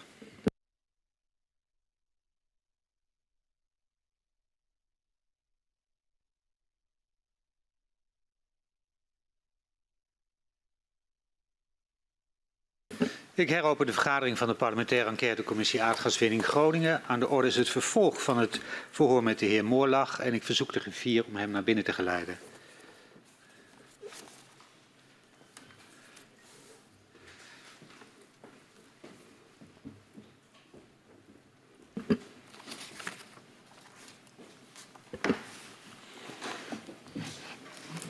We gaan weer verder en ik geef mevrouw Kat het woord. Um, bij het ministerie van Economische Zaken ontstaat uh, eind 2014 het idee om een publiek regieorgaan op te richten. Dat het Centrum Veilig Wonen bij haar taken kan ondersteunen. En dit wordt de Nationale Coördinator Groningen, NCG. Um, ehm, in hoeverre stond u achter het idee om een publiek regieorgaan op te richten? Nou, uh, volgens mij heb ik voor de pauze uh, gesteld dat ik daar heel zeer voor, voor pleitte. En dat de minister daar op 3 december helemaal geen oren naar, naar, naar had. Um, opmerkelijk is trouwens dat ik op diezelfde dag of de dag erna ook heb gesproken met Dick Benschop van, van de Shell. En die is, was, zat toen al op het standpunt van dat, dat de boel overgegeven moest worden van de NAM naar het publieke, naar het publieke domein. Ik ben op 4 december ben ik bij het bewindspersoonenoverleg geweest van de PvdA. Daar heb ik ook die plaatjes uh, uh, laten, laten zien, ook aangegeven wat de complexiteit, de urgentie en de schaal van de, van de problematiek was. Um, en um, ik weet niet precies waar dat is gebeurd, dat de minister toch een, uit zijn groef is gekomen en naar een ander spoor is gegaan, publieke regie. Um, daarover uh, heeft in het kerstreces heeft daar intensief overleg over plaats gehad. Er waren twee ambtenaren afgevaardigd, Bert Verdelden en Peter van Velsen, eentje van BZK en eentje van, uh, van uh, ja, BZK en, en Economische Zaken. En die hebben daar een verkenning in gedaan. En wat wij wel merkten was dat uh, die publieke regie van de minister niet al te stevig mocht worden, worden ingevuld. Wat we in Groningen graag wilden was een delta-achtige aanpak. Um, dus ook met een, een figuur als een delta-commissaris. Met eigen budget, met eigen bevoegdheden. Wel coördinatie, en dat doet de delta-commissaris doet dat, uh, doet dat ook. Of in ieder geval dat budgetten bij elkaar komen. Uh, met statuur, toegang tot de Kamer. Um, en um, die wens hebben we ook uh, kenbaar gemaakt. En die twee ambtenaren hebben in het kerstreces hebben die, uh, allerlei stakeholders hebben die, uh, hebben die gesproken. En die hebben daarover een advies uitgebracht. Maar ja, dat advies ook. Je brengt advies uit als ambtenaar en je denkt van ja, ik moet wel een beetje, moet wel een advies zijn wat kan landen bij, bij mijn opdrachtgever. En dan zag je al dat het advies dat dat was verwaterd. En er heeft in januari een bestuurlijk overleg heeft plaatsgevonden in Groningen met de minister. Er waren de burgemeesters aanwezig, de commissaris was er, ik was er. En uh, de minister die stelde zich op het standpunt dat dat maar iets zou moeten zijn van een, uh, van een project uh, DG. Uh, onder zijn verantwoordelijkheid. en die heeft daar echt grote druk op het gezelschap uitgeoefend om dat te doen. En ik heb ehm, veel bewondering voor de commissaris die tot drie keer toe nee heeft gezegd. Ik heb Henk Kamp wel eens vergeleken met een callcenter. Als je tegen iemand van de callcenter uh, nee zegt, uh, ja, nee is geen nee. Twee keer nee is ook nog geen nee. En drie keer nee, nou, dan bedoelen ze misschien nee. Maar daar heeft de commissaris heel krachtig duidelijk gemaakt: een project DG is niet voldoende. Daar is die figuur Nationaal Coördinator Groningen is daar, uh, is daar uitgekomen. En dat is vervolgens verder, verder uitgewerkt. Ja, dus, zijn er nog andere alternatieven op tafel geweest naast een project DG? en dan NCG? Ja, wat ik al zei, van een uh, figuur als een uh, Delta-commissaris. Ja. Kijk, waar het, om, waar het om ging was dat er niet alleen publieke regie zou komen, maar um, die aanpak die moest uh, schaalbaar moest die zijn, die moest wendbaar moest die zijn. Er moest slagkracht moest er worden georganiseerd, daadkracht moest er worden georganiseerd. Want wat ik al zei, we waren echt het moeras ingegaan met het, met het hele vraagstuk.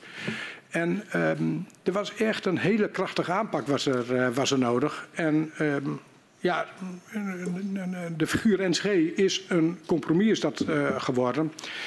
Uh, en, uh, maar dat was het maximaal uh, wat er op dat moment in zat. Ja. krachtig. Wat voor type bestuurder ehm, had de provincie voor ogen als nationaal coördinator Groningen? Nou, eerst even van als je daar iemand opzet in de vette uitwerking. Ehm, had naar mijn smaak had daar ook uh, hadden daar wettelijke bevoegdheden hadden daarbij moeten horen. En doorzettingsmacht had er, uh, had er erbij moeten horen. Um, dus eerst, het gaat eerst om de positie. In dat aanvullend akkoord wat we hebben gesloten. Dat was buitengewoon moeizaam. Uh, was dat. Dus heel moeizaam is dat tot stand gekomen. En de minister wilde daar nog niet aan. Dus dat helemaal in het spoor, heeft heel lang in het spoor gezeten. De NAM veroorzaakt het probleem en de NAM gaat het probleem oplossen. Dus helemaal via het civielrechtelijk spoor. Dus de minister moest al een bocht nemen naar dat publieke uh, uh, uh, spoor. Maar het was wel duidelijk dat het iemand zou moeten zijn die ehm, en ehm, gevoel heeft bij Groningen. Het liefst wat geworteld is in Groningen. En de wereld van Den Haag kent. En slagkracht en een hoog energieniveau heeft. En die de energiewereld kent. Mm. Ja, en u vertelde net, um, het, het, ontbrak aan wettelijke bevoegdheden. Um, wat, wat vond u dan toen bij de start in mei 2015? Kijk, in het aanvullend akkoord is wel uh, opgenomen dat het verder, um, dat het verder onderzocht uh, zou, zou gaan worden. We hebben toen al erg gepleit voor de zogeheten lex specialis. In onze beleving was het zo van wat hier speelt is eigenlijk een hele grote dorps- en stadsvernieuwingsopgave. En het kan wel. Je kan uh, grote woningbestanden kun je in betrekkelijk korte tijd kun je dat gaan aanpakken. Uh, Jan Schever heeft het in Amsterdam gedaan. Uh, Bram Peper samen met Driek Bakker heeft het in Rotterdam-Zuid gedaan. Daar lag ook een lex specialis onder. Dat hebben we ook in de, in de, in de, in de overleggen hebben we daarop, hebben we daarop gewezen. Um, dus ja, ik vind dat dat in de verdere uitwerking, dat was mij niet meer gegeven, dat, is, uh, dat was na mijn bestuursperiode was dat. Um, ja, is dat uh, jammer genoeg is dat niet, is dat niet uitontwikkeld. Nee, nee, en dat was wel uw inzet tijdens ja, bij de start van, van NCG, van tenminste daarvoor. Um, Lex Specialis, die bevoegdheden om, om daar echt op aan te dringen van laten we dat gaan regelen. En dat was dus uiteindelijk niet gebeurd omdat u een compromis uh, moest sluiten? Ja, wat mij betreft was een figuur geweest die aanwijzingsmacht zou hebben, die tegen NAM zou kunnen zeggen, en nou ga je dat doen. Uh, eigenstandig budget. Mm -hmm. Wat ik uh, moet constateren is dat die nationaal coördinator met, met, een soort bedelnap bij de ministeries langs moest bij de NAM. Nou, dat is allemaal, uh, dat was na mijn tijd, maar dat is allemaal buitengewoon uh, Ehm, ja, en, nou laat ik maar heel voorzichtig zeggen, is, is toch allemaal wat suboptimaal is dat, uh, is dat uh, gegaan. Um, dus die eigenstandige bevoegdheden en eigenstandig budget, dat, kijk, dat, dat aanvullend akkoord, daarvan wist ik ook al wel. Dit is niet het einde. Uh, dit is weer een tussenstap. Weer een volgende stap in die tocht door de jungle bergopwaarts met een, met een kapbers. Kijken of je, of je uiteindelijk die heuveltop kunt bereiken. Maar dit uh, dit was op dat moment het maximaal haalbare. Uh, en ik had de hoop dat, dat, uh, dat die stap door verdere stappen gevolgd uh, zou gaan worden. Ja. En over het maximaal haalbare, in hoeverre had u contact met aardbevingsgemeenten? Over de keuze voor NCG? We hebben daar veel contact over gehad. dat aanvullend akkoord is gesloten, ook weer door gemeenten en provincie samen. Ik heb er samen opgetrokken met Henk Bakker, eh, burgemeester eh, van, eh, van, van Bedum. Die was de onderhandelaar namens, toen de onderhandelaar namens de gemeenten. Mm -hmm. bij de, het zoeken naar een figuur um, bij ons rees het idee in het provinciehuis dat, uh, dat Hans Alders een goede kandidaat zou, zou zijn. De minister had andere kandidaten op het oog. En wij hebben via twee lijnen um, uh, contact opgenomen met de burgemeesters. De commissaris met Rodeboog, ik met Emma Groot, waar ik het verleden veel had opgetrokken. Nou, die hebben dat verder gesondeerd en die hebben dat ook gesteund. En in een bestuurlijk overleg wat op 1 april 2015 plaatsvond, is dat afgetikt. En daar was ook een delegatie van de gemeente was daarbij aanwezig. Volgens mij was dat uh, Henk Bakker uh, die namens de gemeente daar aan tafel zat. Ja. Kunt u daarmee zeggen dat dat um, juist met de inzet van, van de gemeentes en onderling samenwerking met de provincie uiteindelijk die keuze is gemaakt? Zeker. Ja. ja. Zeker. Anders had het ook 0,0 kans van slagen. Had het.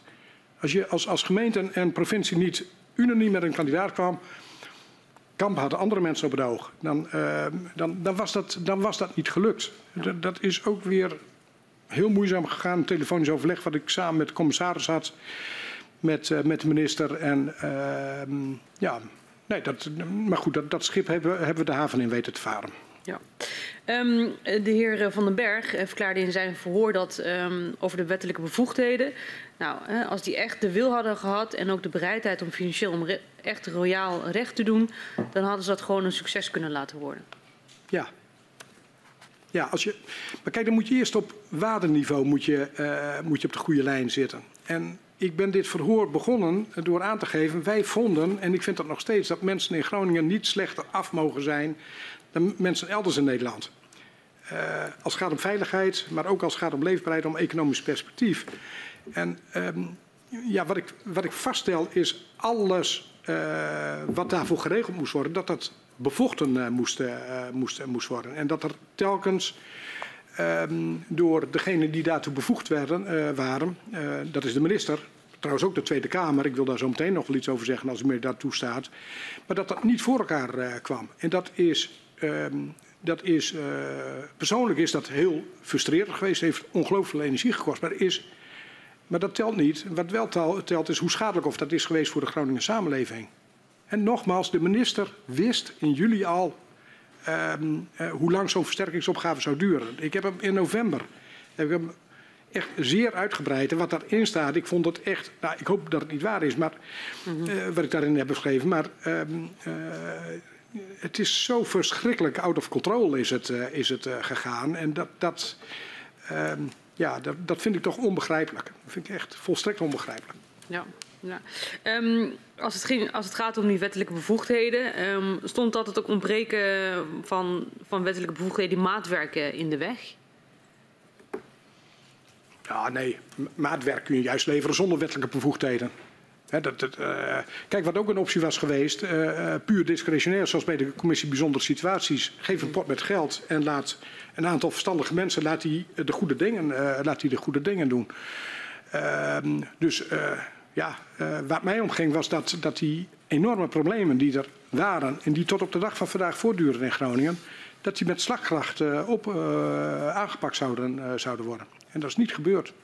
Had u de verwachting dat door de uh, versterkingsoperatie van, uh, uh, of naar de nationaal coördinator te verplaatsen, dat daarmee weer control zou komen? Nee, absoluut niet. Wat was uw verwachting wel, zeg maar, door nee, het absoluut niet. Um, naar mijn smaak zou er een alternatief moeten komen voor die versterkingsoperatie. Kijk, die versterkingsoperatie, okay. ik heb u dat voorgerekend, die was onhaalbaar, die was onuitvoerbaar, die was, in tijd was die, was die niet te realiseren. Je had, er een, je had daar een alternatief voor moeten ontwikkelen. Daar hebben we in het aanvullend bestuursakkoord hebben we daar een afspraak over gemaakt. Dat daar een commissie naar zou kijken. Uh -huh. Dat was een hele strijd. De minister wilde daar eigenlijk alleen maar technici in, in hebben. Uh -huh. Wij wilden daar ook uh, een bestuurlijke component in hebben. Een stevige bestuurlijke component in hebben. En die had moeten kijken naar, naar een alternatief. En er lagen wel bouwstenen voor alternatieven. En als er zo'n dilemma ligt, dat je weet dat het niet uitvoerbaar is Ga dan in gesprek met die Groningen samenleving. Niet alleen met die bestuurders, maar wees eerlijk aan mensen. Ja. He, wij, wij, moeten u veiligheid bieden. Wij kunnen dat niet. Had dat erkend. En dat, was, dat stond als een paal boven water. Dat dat ook binnen een aanvaardbare termijn niet gerealiseerd uh, kon, uh, kon worden. En dan, dan, dan waren er wel alternatieven. Een alternatieve aanpak was wel, uh, was wel, was wel denkbaar. Dat is helemaal niet zo ingewikkeld. Ja, okay. We hebben het al uh, een paar keer gehad over de samenwerking uh, tussen de provincie en de, en de aardbevingsgemeente. In hoeverre waren verschillende gemeenten nou verschillend uh, als het gaat om die problematiek in hun gemeente? Uh, daar zaten grote verschillen uh, -hmm. zaten daarin. Kijk, Loppersum, wat van oudsher al langjarig had te kampen met, met de problematiek. Um, maar ook bijvoorbeeld de positie van de stad Groningen. De stad Groningen heeft heel lang gehad van wij moeten ver blijven van die aardbevingen. Mm -hmm. Dan gaat er een stigma, ontstaat een stigma, wij zijn, maken deel uit van het rampgebied. Dijsselbloem heeft er in zijn verhoor ook iets, iets over gezegd. Um, maar dat was niet langer houdbaar na die uh, beving van uh, 30 september 2014. Uh, bij de Hans Hogeschool vielen, vielen beeldschermen van bureaus af. Dus die, die, die, die aardbeving, die scheuren, die gingen ook de gemeente Groningen in. En um, de gemeente Groningen die, is zich toen ook actiever gaan opstellen. Er kwam ook een nieuwe burgemeester, Peter den Oudsen, die, die echt met veel Power uh, zich met het, dossier, uh, met het dossier bemoeide. Aanvullend bestuursakkoord is ook, zijn ook separate afspraken uh, opgenomen voor, voor specifieke problematiek in, in, de stad, in de stad Groningen. Ja, verder de verhouding tussen de gemeenten. Um, tegelijkertijd speelden er ook allerlei discussies over, over gemeentelijke herindeling. Mm -hmm. was er was er ook veel positioneel gedoe. Wat betekent dat dan? Zeg maar? Nou ja, um, eens kijken hoor ja, veel positioneel gedoe van. van um, ik, ik heb wel bewondering voor de commissaris, want die heeft er heel veel tijd in uh, ingestoken om uh, de gemeente bij elkaar te halen. Wij, wij hadden, ik denk wel twee wekelijks een overleg met, uh, met burgemeesters in dat najaar van 2014, begin 2015. Een tweewekelijks overleg in, in de GS-kamer van het, van het provincie. de commissaris, u en, en de burgemeesters van de gemeente ja. is dat dan? Ja, en eerlijk gezegd, ik vond dat wel eens frustrerend. Want ik had iets van, jongens, er moet tempo worden gemaakt. Mm -hmm. En ik raakte ook wel eens wat geïrriteerd. Dat ik, de burgemeester die zei, ja, nou oké, okay, uh, wij, wij uh, of dan zei ze zo, ja, we, we, hebben een besluit genomen en we hebben besloten om nog twee weken over na te denken. En mm. dan zat er wel weer irritatie bij mij, dat ik dacht van, ja, potverdorie, het is, uh, er moeten meters gemaakt worden. En ik had ook wel eens het idee, jongens, we kunnen ons niet laten leiden door het tempo van de slakken. Dat is, mm. dat, als je telkens helemaal tot in detail consensus moet, moet bereiken, dan dan gaat je slagkracht uh, niet weg. Dus dat was wel een spanning was dat, uh, ja. om de boel bij elkaar te houden en tezelfde tijd ook uh, tempo te maken. Ja, dus de spanning zat op het tempo, zat ook spanning op, inhoudelijke onderwerpen waar verschillen van inzicht waren. Ja, zeker. En soms ook hele legitieme belangen. -huh. Kunt u daar een voorbeeld van geven? Ja, heel concreet. Um, we hadden een waardeverminderingsregeling. Ja. 125 miljoen. Trouwens ook al een voorbeeld van, van iets waar uh, EZK staat tegen te strippen. Die, die, die zeiden dan, begin eerst maar eens met een pijlers van 5 miljoen. Nou, nee, nee, nee. 50 miljoen. Nee, we willen het hele geld in één keer hebben. En, en later is wel gebleken hoe funest of dat is, wat voor rijen of er ontstaan als je een regeling openstelt. Er is onvoldoende budget. Maar dat, U dat verwijst nu naar het begin dit jaar, maar ja. we gaan even weer terug naar ja. die periode. Ja, ja um, maar uh, dus die, die 125 miljoen en um, in het aanvullend bestuursakkoord moest de scope van het akkoord uitgebreid worden met een aantal gemeenten. Uh -huh. Um, nou, ik weet wel, en dat was terecht de zorg van de heer Rodeboog. Die zei, ja, maar als dat uit het budget van het eerste akkoord moet komen... Ja, dan, dan, dan moet dat over uh, een veel groter uh, gebied worden verdeeld. Dus daar, daar zaten... En dat is een heel legitiem uh, belang is dat. Dus daar, is ook, daar zijn ook aanvullende afspraken zijn erover over gemaakt. Um, ik, ik vind het wel jammer dat niet direct die regeling open werd gesteld voor, voor de gemeente Groningen. Um, en, en er speelt natuurlijk altijd de klassieke tegenstelling tussen stad en omland. Hè. Dat is uh, ja, een kleine gemeente, een grote gemeente. Ja. ja. Wat was dan uw rol als, als, als gedeputeerde, als provincie in, in dat soort uh, tegenstrijdigheden of belangen? Uh... Nou, om ervoor te zorgen dat er, uh, dat er recht aan gedaan werd. Dus wij hebben een aanvullend akkoord is ook opgenomen dat het niet ten koste mag gaan van, van de initiële, wat zijn het, zeven, zeven gemeenten. Ja. En, um, en er is een separaat arrangement voor, voor de stad is er, is er gekomen, bijlage bij dat aanvullende akkoord. Ja, dus u, u namens, namens de gemeente en de provincies heeft u geprobeerd om, dat, uh, om die regeling ja, zeker. beter en, en kijk op zichzelf van, het ja, blijft altijd een belangenstrijd, uh, blijft het. En ja, wat dan voor de een evenwichtig is, is voor de ander misschien niet evenwichtig genoeg. Dus dat, ja, ja. soms lijkt het wel een beetje politiek, hè. Dat is, uh, ja. En wat was nou het verschil tussen belangen die de provincie, zeg maar, uh, als, nou, als provincie heeft, met die van de aardbevingsgemeentes? Hoe heeft u dat ervaren? Volgens mij is dat belang gelijk gericht.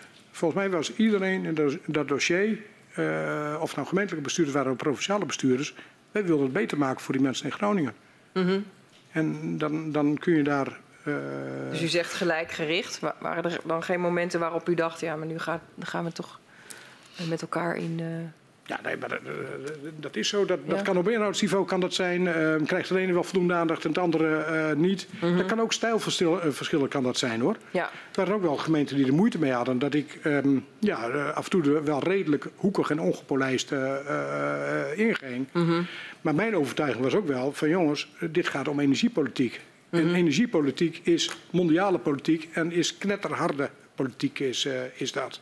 Ja. En moet zich goed realiseren dat voor grote, uh, grote energiemaatschappijen, uh, die, die, die hebben ook teerzandvelden in Canada, die, die hebben in Sachalin hebben die olievelden. In Nigeria, dan, dan is Groningen is misschien maar zo'n stipje is dat, op, uh, is dat op de kaart. Ik denk dat dat ook wel verklaart waarom uh, de aandeelhouders van de, van de NAM, dat die ook zo beducht waren, die juridische, juridische controle, die hadden het idee van ja, als wij hier iets gaan honoreren voor leefbaarheid, ja, dan kan ons dat misschien op een ander continent ja, wel gaan opbreken. Um, dus dat, dat uh, ja. En u zei al, hè, u had, uh, u had ook het gevoel dat dingen snel moesten gaan. En het we moesten niet ons laten leiden door het tempo van de, van de slakken, zei u, als ik het goed heb gehoord. Um, wat, wat deed u daaraan, zeg maar, om, om het tempo op, het, op uw tempo te houden? Um, eens kijken hoor. Ja, ik ben een, een hoog tempo bezig geweest om, om overal problemen en urgentiebesef uh, te kweken. En wel zoveel mogelijk in gemeenschappelijkheid. Aanvullend akkoord uh, samengewerkt met Henk Bakker van, uh, van de gemeente Bedem. als het gaat om die figuur NCG of Delta-commissaris. ben samen met Jacques Wallagen naar Wim Kuiker geweest om ons daar, daarop, daarop te oriënteren. Um, maar we hadden wel een beetje een rolverdeling in het college. He, de, de, de, commissaris, die, um, nou, dat is ook zijn rol. Die is ook vertrouwenspersoon naar de uh-huh. burgemeesters toe. Dus die, was, ja, die had veel oog voor het proces. En ik was uh, wat meer een uh, inhoudelijke klussenboer. Ja. En wat, uh, wat, wat was nou de verklaring dat de slakken het, het, tempo wellicht niet bij konden benen? Nou, wat ik al zei, van, van uh, kijk, als je met, um, uh, met zeven gemeenten een afstemming moet bereiken, uh-huh en iedereen vindt er wat van, dan kost dat, uh, dan kost dat tijd. Ik heb, daar, uh, ik heb daar begrip voor. Ja. En soms had ik ook wel het idee van, voor sommigen is, is het hele vraagstuk ook wel too big to handle. Ik heb zelf ook dat gevoel gehad. En wat, wat bedoelde u daarmee? Nou, het is zo veelomvattend, zo complex. En uh, ik heb u verteld dat ik uh, naar die bijeenkomst van, van, mm -hmm. van, die, um, uh, van die stuurgroep NPR, dat ik ook helemaal ja. van de kaart had, dat ik het idee had van uh, dit spoelt zo over mij heen. Dit, ja. dit, en ik snap dat dat, dat, uh, ja, dat, dat speelde bij, uh, bij andere bestuurders speelde dat ook. Ja. En u zei die herindelingen ontstond een soort van positiespel. In hoeverre heeft dat dan invloed gehad op, op de tempo of de inhoud van de besprekingen? Mm, weet ik niet hoor. Ik, ik heb niets met die herindeling iets aan Kremlin-watcherij gedaan of zo. Van, van. en dat ik zo kijk van als die met de pink beweegt, dan begint die met de wenkbrauw te fronsen. Dat, nee. nee. Het was een factor, maar heeft er geen, verder geen, eh, nee. geen eh, kleur bij. In hoeverre heeft er nou. In, oh nee, in hoeverre is het nou veranderd door de, door de paar jaar heen, zeg maar, dat uh, de gemeentes en de provincie uh, dit traject uh, liepen? Is het, is het, meer of minder? Ja, ik heb daar te weinig eigen waarnemingen bij. dus ik, ik, vind dat ik daar terughoudend in moet zijn. Van, op een moment ben je gestopt als bestuurder. En, maar in uw tijd, zeg maar, was, was er daar verandering? Eh, door de tijd heen hoe het samenwerken tussen de provincie en de gemeente en de gemeente onderling ging? Mm. Ja, wat ik wel zei, van, op een moment is dat contact wel geïntensiveerd. En, mm -hmm. en de commissaris heeft dat uh, met name gedaan om toch uh, in hogere fre frequentie uh, de burgemeesters bij elkaar te halen in, in, het provinciehuis. En um, ja, wat je, wat je wel merkte was dat, uh, ja, dat het, het, het tempo uh, voor sommigen dat dat, um, ja, dat het uh, soms wel wat hoog lag. Ja. Wat, wat ook weer aanleiding gaf tot irritatie. Daar zit een spanning in. Ja. Tussen iets voor elkaar zien te krijgen en, en wachten totdat je maximale consensus hebt. Ja. Zijn er momenten geweest dat u het gevoel had dat de andere betrokken partijen, zoals uh, het ministerie of, of de NAM, um, uh, probeerden zeg maar, de eensgezindheid uh, in het gebied um, ter discussie te stellen? ja, dat, dat denk ik wel. Ik had het, de, het vermoeden wel dat, dat de minister de bedoeling had om het gebied zo klein mogelijk te houden. Gewoon fysiek zo klein mogelijk, bedoelt u dat? Ja, die was meer gericht op, eh, op eh, ook primair gericht op, eh, op de gemeente Loppersum was die. Dus dat mhm. is, um, en ja, voor ons is de overweging geweest van, ja, wat, waar hebben die bevingen impact? Nou, die KNMI-cirkels zijn daar leider in geweest. Ook commissie Meijer heeft dat, uh, heeft dat ook beschreven. En na die beving van 30 september 2014 uh, moest dat gebied uh, groter worden, worden gemaakt. Uh mhm. -huh. Zijn er momenten geweest dat u dacht, ja, ik, ik, sta nu vooral voor de belangen van de provincie en de belangen van de gemeente zijn voor mij even wat minder belangrijk. Ik ga nu deze kant op. Nee, als, als u mij één iets kunt duiden waar dat een rol gespeeld zou uh, kunnen hebben, dan ben ik u dank, dankbaar dat, u, uh, dat u dat kunt, uh, aanwijzen. Volgens mij ook, ook die, die budgetten en die middelen. Ehm, die, die, die waren bedoeld uh, voor uh, het oplossen van knelpunten in, in, uh, in de gemeenten. Mm -hmm. als, als je de Dijkstraat hebt in Appingedam, hè, waar het winkelbestand met de leegstand kampt. Mm -hmm. En de burgemeester daar wil heel graag dat de HEMA, die verder aan de rand staat, dat die naar het midden wordt, wordt verplaatst. Mm -hmm. um, en als je dat dan voor elkaar weet, weet te krijgen. Um, daar zijn die gemeenten zijn er, uh, die zijn erbij, uh, die zijn erbij gebaat. Ja. Hoe en, belangrijk vond u het zelf, zeg maar, dat de gemeente en de provincie allemaal die ene lijn uh, aanhielden? Um, ja, dat, dat, dat was belangrijk, want je liep het risico dat je uit elkaar gespeeld werd. Ik, ik heb dat voorbeeld genoemd. Ik heb dat voorbeeld genoemd van die NCG.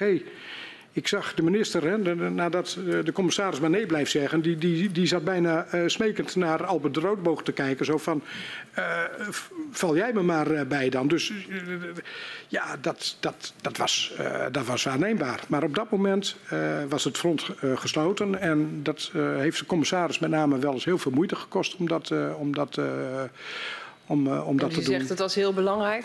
Kunt u mij nog een reden geven waarom, waarom u dat zo heel belangrijk vond? Omdat je anders het risico loopt dat je, dat je uit elkaar uh, gespeeld wordt. Ja. Kijk, kijk op zichzelf, het, het, het, was ook wel eens heel ingewikkeld, uh, was het hoor. Ik vond dat de provincie en de gemeente samen een countervailing power moesten, uh, moesten zijn. Nou, dat grote machtige ministerie en zo'n zo'n um, grote mijnbouwer. -hmm. um, en wij draaiden in Groningen met een heel klein clubje, beperkt aantal ambtenaren.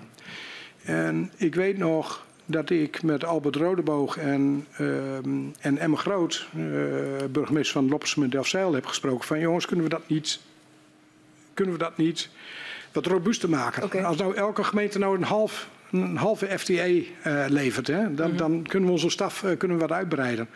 En dat is jammer genoeg, is dat, is dat niet gelukt. Uh, dus wat, moest, wat, moest, dat uh, opleveren voor u, zeg maar, om, om met elkaar meer niet, niet, stafkracht niet, te krijgen? Niet voor mij, voor ons. Ja. Meer, meer, slag, uh, meer slagkracht, meer countervailing power. Meer met tegenkracht eigenlijk ja. tegen het... Uh, ja. ja.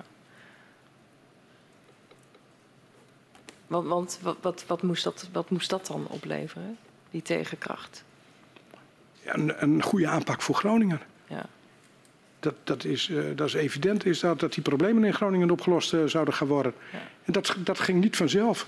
Alles, echt alles moest worden bevochten. Alles.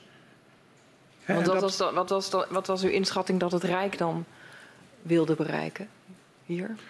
Uh, de boel klein zien te houden. En u, u zei al fysiek klein? Ja, qua gebied uh, klein, qua budgetten uh, klein. Uh, niet meer doen dan, dan, dan nodig is. En dat, dat is, ik zei al, van op, op waardeniveau was er, was er geen gemeenschappelijkheid. Nee. En de, de, het, de, de, aan ons kleeft ook wel eens de aureool dat wij op geld kwamen vragen. Ja, dan denk je, ja, waarom doen we dat? Wij willen dat die mensen in Groningen niet slechter af zijn dan mensen elders in Nederland. En heel lang, um, um, uh, dus dat rechtvaardigde gewoon inzet van, uh, van, uh, van middelen. En dan denk je, ja, dan denk ik bij mezelf van, uh, Groningers die, die, voelen zich al zo vaak uh, tweede rangsburgers. Er zit ook nog een heel oud zeer over de aanwending van de opbrengsten van de gasbaten. Dat is bij wet geregeld dat dat in de nationale kas gaat. In Texas was het anders geweest, waren al die Groningen steenrijk geweest. Maar uh, als we dat regime, uh, als we dat, uh, regime hadden. Maar van die gasopbrengsten, dat fonds economische structuurversterking wat eruit uit werd bekostigd. Um, ehm, 1% van die opbrengsten is in Noord-Nederland. Niet alleen in Groningen en drie noordelijke provincies. 1% is daar besteed. En het overgrote deel is, het westen, is in het westen besteed. En dus dat sentiment, ehm, ja, dat, we voelden ons niet echt gezien. En ik vind dat de uh, mensen in Groningen dat, het, uh, dat die echt fors tekort is, is gedaan.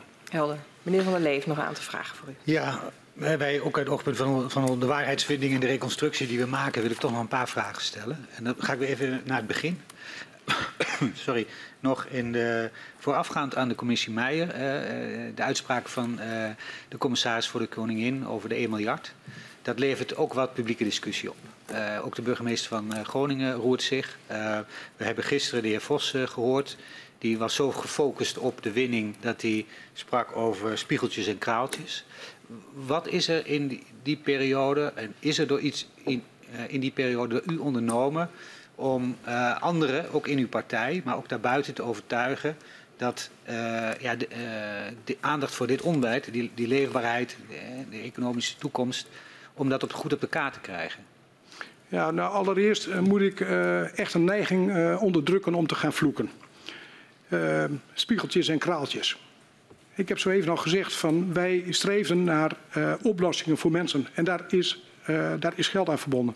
Wij vonden dat de urgentie van de problematiek, zowel in termen van veiligheid als wat het deed met, het, met economie en leefbaarheid in het gebied, dat dat onvoldoende serieus werd genomen. Nou, de commissaris heeft een steen in de vijver gegooid en, um, maar dat is ook het paradoxale is dat. Hè? Uh, je moet stenen in vijvers gooien en uh, je moet uh, problemen breed gaan uitventen om enige mate van problemen en urgentiebesef te krijgen in Den Haag. Ja. Ik vond dat wel eens heel lastig, want ja. ik wist ook dat je daarmee de onrust onder inwoners vergroot. Je zegt, trouwens blijft zeggen, het is gevaarlijk, het is gevaarlijk, dan vergroot je die onrust.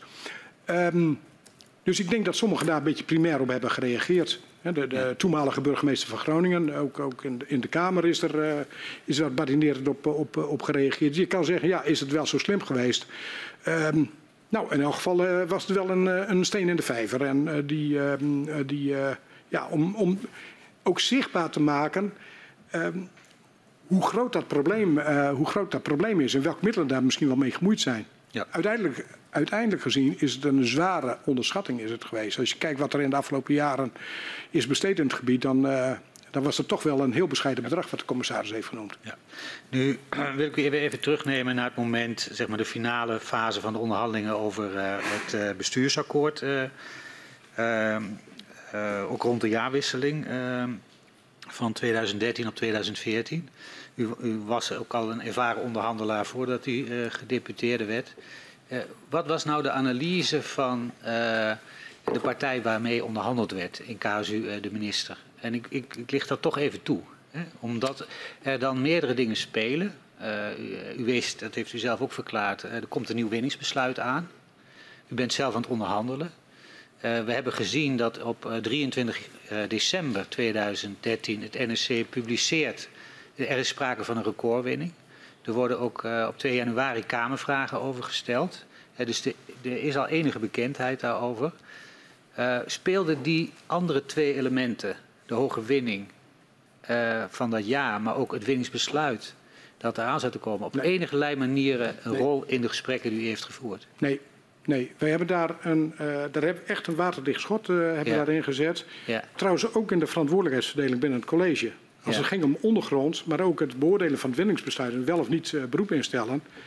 Uh, dat zat niet bij mij in de portefeuille. Dat zat bij mijn collega Boter Wilpstra zat het in de, zat het in de portefeuille. Okay. Um, dus dat hebben wij met opzet buiten ja. haken hebben we dat, uh, dat gezet. En ik snap wel in de Haagse werkelijkheid, daar worden, um, er worden uh, gouden appels met peren uh, vergeleken om, om uiteindelijk knollen voor citroenen te kunnen verkopen. En, hè, maar dat is echt, dat hebben wij separaat hebben we dat gehouden. Ja. En, en, de commissaris die heeft uh, letterlijk tegen, uh, tegen de minister gezegd... Ja. Henk, op dat winningsbesluit moet je een verstandig besluit moet je nemen. En ik heb eerder ook al gezegd, wat verstandig is... Ja. Ik kan daar allerlei particuliere opvattingen over hebben. De commissaris kan er opvattingen over hebben. De SODM was voor ons maatgevend. U zei wel, ik heb uh, in, in die periode dat ik gedeputeerde was... ook als het ging om de winning... ook wel via partijpolitieke lijnen... daar aandacht op voor gevraagd. Ja. Uh, we hebben gezien dat als het gaat om het winningsbesluit dat dan naar buiten komt in januari, uh, ook vanwege financiële motieven uh, en ook vanwege ja. interventies van de minister van Financiën, 42,5 miljard als plafond uitkwam. Ja. Was u daar van op de hoogte? Heeft u geprobeerd daar invloed op uit te oefenen? Nee, toen niet. Uh, in die periode, de aanloop naar dat uh, winningsbesluit, heb ik uh, contact gehad met, met Dieterik Samson. Dat heb ik u verteld. Hè, dus ja. voor het winningsbesluit. dat ging, maar dat ging omdat wij er niet, niet doorkwamen. Ja. Um, in 2015 is er veel intensiever uh, contact is er geweest. En toen zag je ook, hè, alles ging out of control, draagvlak voor gaswinning. Uh, problemen werden niet, werden niet aangepakt. Um, ik heb uh, toen een aantal malen contact gehad met Benschop uh, van uh, Shell, heb ik u verteld. ik ben naar het bewindspersoonenoverleg geweest. Na afloop heb, heeft Jeroen Dijsselbloem mij gevraagd om hem nauwgezet op de hoogte te houden -hmm. van van, uh, van die onderhandelingen met het, uh, met het Rijk. En ja. um, hij heeft mij op een moment ook nog teruggekoppeld dat hij tegen de minister heeft gezegd van Economische Zaken. Joh, je moet overeenstemming zien te bereiken met de regio. Wat wil je anders met die versterking? Soms met, met bulldozers, mobiele eenheid het, het gebied in als er geen overeenstemming is met, met de regio. Ik ben in januari ben ik op het ministerie van Financiën geweest. Daar heb ik gesproken met uh, Dijsselbloem en... Uh, en januari 2015. In januari 2015 gesproken ja. met... Uh, uh, met Dijsselbloem en uh, Samson. En um, uh, ook vanuit de noordelijke Kamerleden werd binnen die fractie werd er veel druk op gezet dat die gaswinning naar beneden moest. Ja. En dat heeft erin geresulteerd. Uh, nou, een paar dingen. Ik heb op een moment de volledige politieke gewichten, zoveel is dat niet, maar in de, in de strijd gegooid. Er speelden ook verkiezingen. Heb ik ook ja. zo gezegd, jongens, hoe moet ik als, in godsnaam als lijsttrekker die verkiezingen in? Ja. Dat, dat kan zo niet en dat, dat doe ik ook niet. Um, er is toen Doortjesoverleg is er gevoerd volgens mij op maandag 9 uh, februari. En na afloop heeft Samson mij gebeld en uh, verteld dat, uh, dat de uitkomst daarvan was dat de gaswinning naar beneden ging. bandbreedte 33, 35 miljard. Ja. 2 miljard voor een koude winter. Um, en um, uh, ja, dat, dat het maximaal uh, haalbare was. Dat, dat heeft zo'n beetje tegen een kabinetscrisis heeft dat volgens mij aangezeten.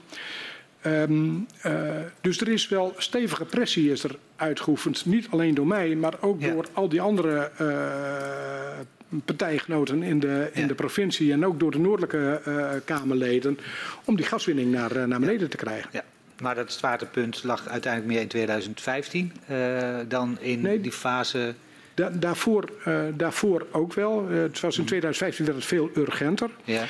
Um, maar daarvoor liep het met name via de uh, Tweede Kamer. Ja. Kijk, op zichzelf, ik, ik ben uh, wel redelijk rolzuiver. Ja. En um, ik vind niet dat wij over niveau van gaswinning kunnen gaan onderhandelen met, uh, met leden van het, van het kabinet. Ja. Dat is de uitvoerende macht.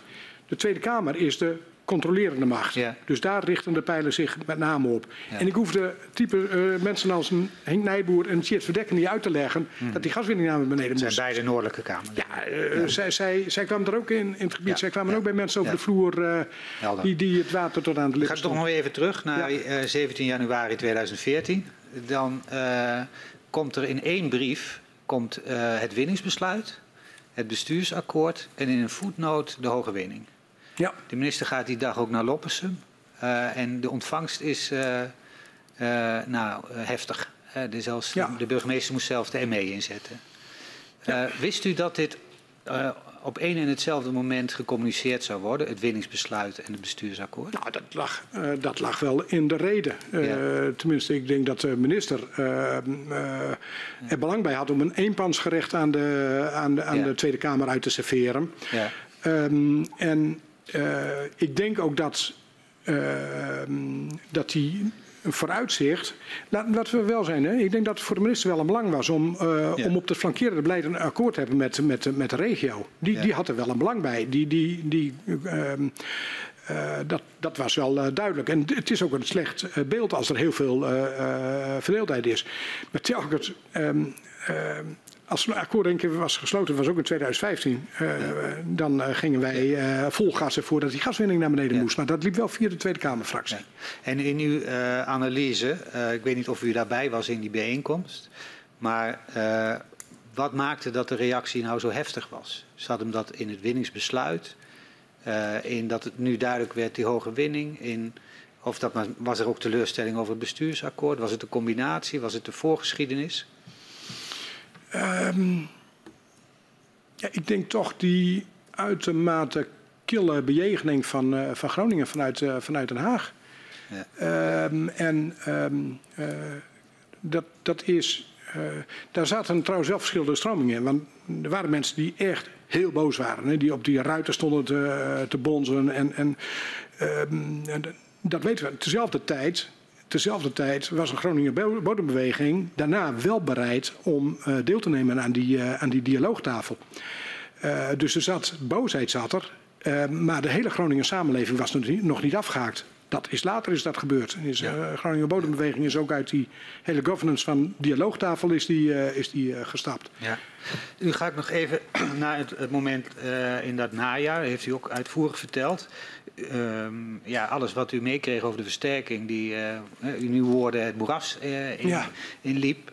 u gaat ook het gesprek aan met de minister, probeert daar ook over te onderhandelen. Ik, ik vroeg me even af in hoeverre een ander spoor van de versterking niet uh, voor een deel dan ook weer samenhangt met uh, al dan niet versneld omlaag met de winning. Want dan zou je misschien een kleinere versterkingsoperatie ja. nodig hebben. Is dat, is dat op die manier besproken? Of nee, zat de minister op die manier in de gesprekken die u met hem had? Nee, maar u weet ook wel dat, dat dat geen soelaas biedt voor het acute hier-nu-probleem in Groningen. Mm. Maar als je de gaswinning helemaal naar nul brengt, dan heb je nog tien jaar heb je, ja. heb je nog uh, na-effecten. Uh, heb je. Um, natuurlijk, je moet het probleem bij de bron aanpakken. En het voorzorgsprincipe is niet pas nadat je tig onderzoeken hebt gedaan en dat je 100% zekerheid hebt, dat je dan pas een besluit mag nemen. Nee, het voorzorgsprincipe is als er wetenschappelijk uh, geen duidelijkheid is, dan moet je terughoudend uh, moet je, moet je ja. zijn. Nou, dat, dat principe is natuurlijk uh, grovelijk uh, geschonden. Is ook door de Kamer is dat geaccepteerd. Moet ik daar ook met pijn het hart moet ik dat, moet ik dat vaststellen. Mm -hmm. Daar wil ik misschien zo meteen, als het mij toestaat, ook nog wel iets over zeggen. Ik heb nog één andere vraag en dan gaan we even terug naar een collega. Um, u vertelde in, in dat traject waar ik het net over had, uh, dat u ook uh, de, de, plaatjes of uh, de foto's liet zien van ja. wat een versterking in de praktijk inhoudt. En u liet dat ook zien aan de minister. en u gaf aan, ja, zijn reactie was vooral, ik weet niet meer welk woord u gebruikte, maar hij was ontstemd over het feit ja. dat hij die niet al eerder had gezien van zijn eigen ambtenaren. Kunt u iets meer vertellen over hoe dat ging? Ja, wij hadden, ik meen, s ochtends om negen uur of kwart over negen op 3 december um, was het overleg. En wat naar aanleiding van die uh, mail van zes kantjes uh, was, was, was georganiseerd. Um, hadden we dat overleg. Um, ik denk dat de minister ook wat slecht was voorbereid. Hij was in het buitenland geweest, was ook even ziek geweest. Dus daar wil ik me ook wel wat mee verontschuldigen. dus en, ja, kijk, wij weten dat dit een minister is die altijd in controle wil zijn. Mm -hmm. En dan komen daar twee van de bestuurders uit de Groningen die zeggen: ja, het is niet in controle. Het is, sterker nog, het is één grote bende. U heeft die mail ook uh, gelezen die ik uh, mm -hmm. naar de minister heb gestuurd. En dan laten we hem zien, die plaatjes zien. En de minister, uh, ja, dat was wat, was wat ongemakkelijk, was er ook voor de commissaris en voor mij. Die richtte zich naar zijn ambtenaren en die begint echt op een wat narrige toon te vragen van... hoe kan het dat ik dat niet weet? En dat, en dat vraag ik mij eerlijk gezegd ook af. Wij, wij, hadden, wij, wij die plaatjes uit de vrije nieuwsgaring hadden we die weten ja. te krijgen. Ja. Maar uh, de minister had dus ja. geen benul van de impact die uh, die, die versterking uh, zou, zou en, hebben. En, en, en kreeg, kreeg, hij nog een antwoord van zijn ambtenaren op dat moment? Ja, uh, nou, ja, volgens mij was er geen. Uh, er staat me zo niet. Nee, er staat me zo niet bij wat, wat het antwoord was. Maar het, het was wel heel naar, omdat het idee was van. En, en daar was ik al een tijd mee bezig. om de geest rijp te krijgen voor de andere aanpak. En, en een aanvulling op dat bestuursakkoord. Ja, dat, dat, dat ging helemaal mis. Daar, daar, daar stond de minister zijn hoofd, die stond er niet naar. En die, die zegt nee. Hoezo extra mandaat? En -hmm. was ook ongemakkelijk voor Dirks, uh, was dat. Ja. dat is, um, en, en ongemakkelijk voor uh, die onderhandelingen die voor die middag stonden gepland. In de veronderstelling dat er wel mandaat zou komen. En waar Schotman bij aanwezig was, waar Dirks bij aanwezig was. Dat, dat, dat is, die doorbraak is, is pas later gekomen. Er is pas later ehm, is er, is er beweging gekomen in positie van de minister. Ja. Ik geef het woord aan mevrouw Kat. Uh, u bent een uh, lange periode betrokken geweest bij het Gronings gasdossier. Uh, eerst als gedeputeerde en later als Tweede Kamerlid. u had het net over een eenpansgerecht aan de Tweede Kamer. wat, vond u, wat vindt u van de rol die de Tweede Kamer heeft ingenomen na de aardbeving in Huizingen? Nou, dan wil ik aansluiten bij wat Jelle van der Knoop van de Groningen Bodembeweging heeft gezegd. En wat mevrouw Liesbeth van Tongeren gisteren heeft, heeft gezegd. Uh, ik vond het heel pijnlijk uh, met, met Jelle van den Knoop. Want die zei ook zo van, die voelde zich in de steek gelaten door de Kamer. En nou, uh, u heeft daar nog empathisch even op gereageerd en ging vervolgens door met die, met die gescripte vragen. Maar hij legde de vinger precies op de zere plek. Hij legde de vinger precies op de zere plek. Om twee redenen. In de eerste plaats, en dat heeft mevrouw Vertoner gisteren ook gezegd, de Kamer is de hoogste macht in dit land. Er is geen minister die een euro mag uitgeven zonder uh, toestemming van de Kamer. De Kamer heeft uh, wetgevende bevoegdheid. En de vraag is, waarom heeft de Kamer niet het verschil ten goede voor Groningen uh, kunnen maken? En het tweede is, en daar doelt Van de Knoop op, als je ook kijkt naar die Kamerdebatten die er hebben plaatsgevonden. Die eerste debatten, met bussen vol kwamen ze naar Groningen. Er moest een stoel in de hal van de Kamer moest worden gezet. Maar die mensen die kwamen niet alleen met hun boosheid, met hun verontwaardiging, met hun zorgen en met hun angsten. Maar zij kwamen ook met de hoop, de hoop dat de Tweede Kamer het verschil zou maken. En waarom kwamen zij op een moment uh, niet meer? Omdat ze die hoop verloren hadden. Ze waren de hoop verloren dat de Kamer hier ook daadwerkelijk het verschil zou kunnen maken. En eigenlijk vind ik dat uw commissie, dat dat eigenlijk de centrale vraag zou moeten zijn, staat niet in uw opdracht. Het spijt me dat ik in de fractie in de tijd toen die opdracht bij kwam. Maar de, de rol van de Kamer die zou ook nauwkeurig onderzocht moeten, uh, moeten worden. Het is even de vraag of u dat als commissie zou moeten doen. He, vaak valt de term de slager die zijn eigen vlees keurt. Maar die vraag, die vraag waarom heeft de Kamer niet het verschil ten goede voor Groningen kunnen maken... dat is een hele legitieme en terechte vraag die Jelle van der Knoop in zijn verhoor op tafel legde.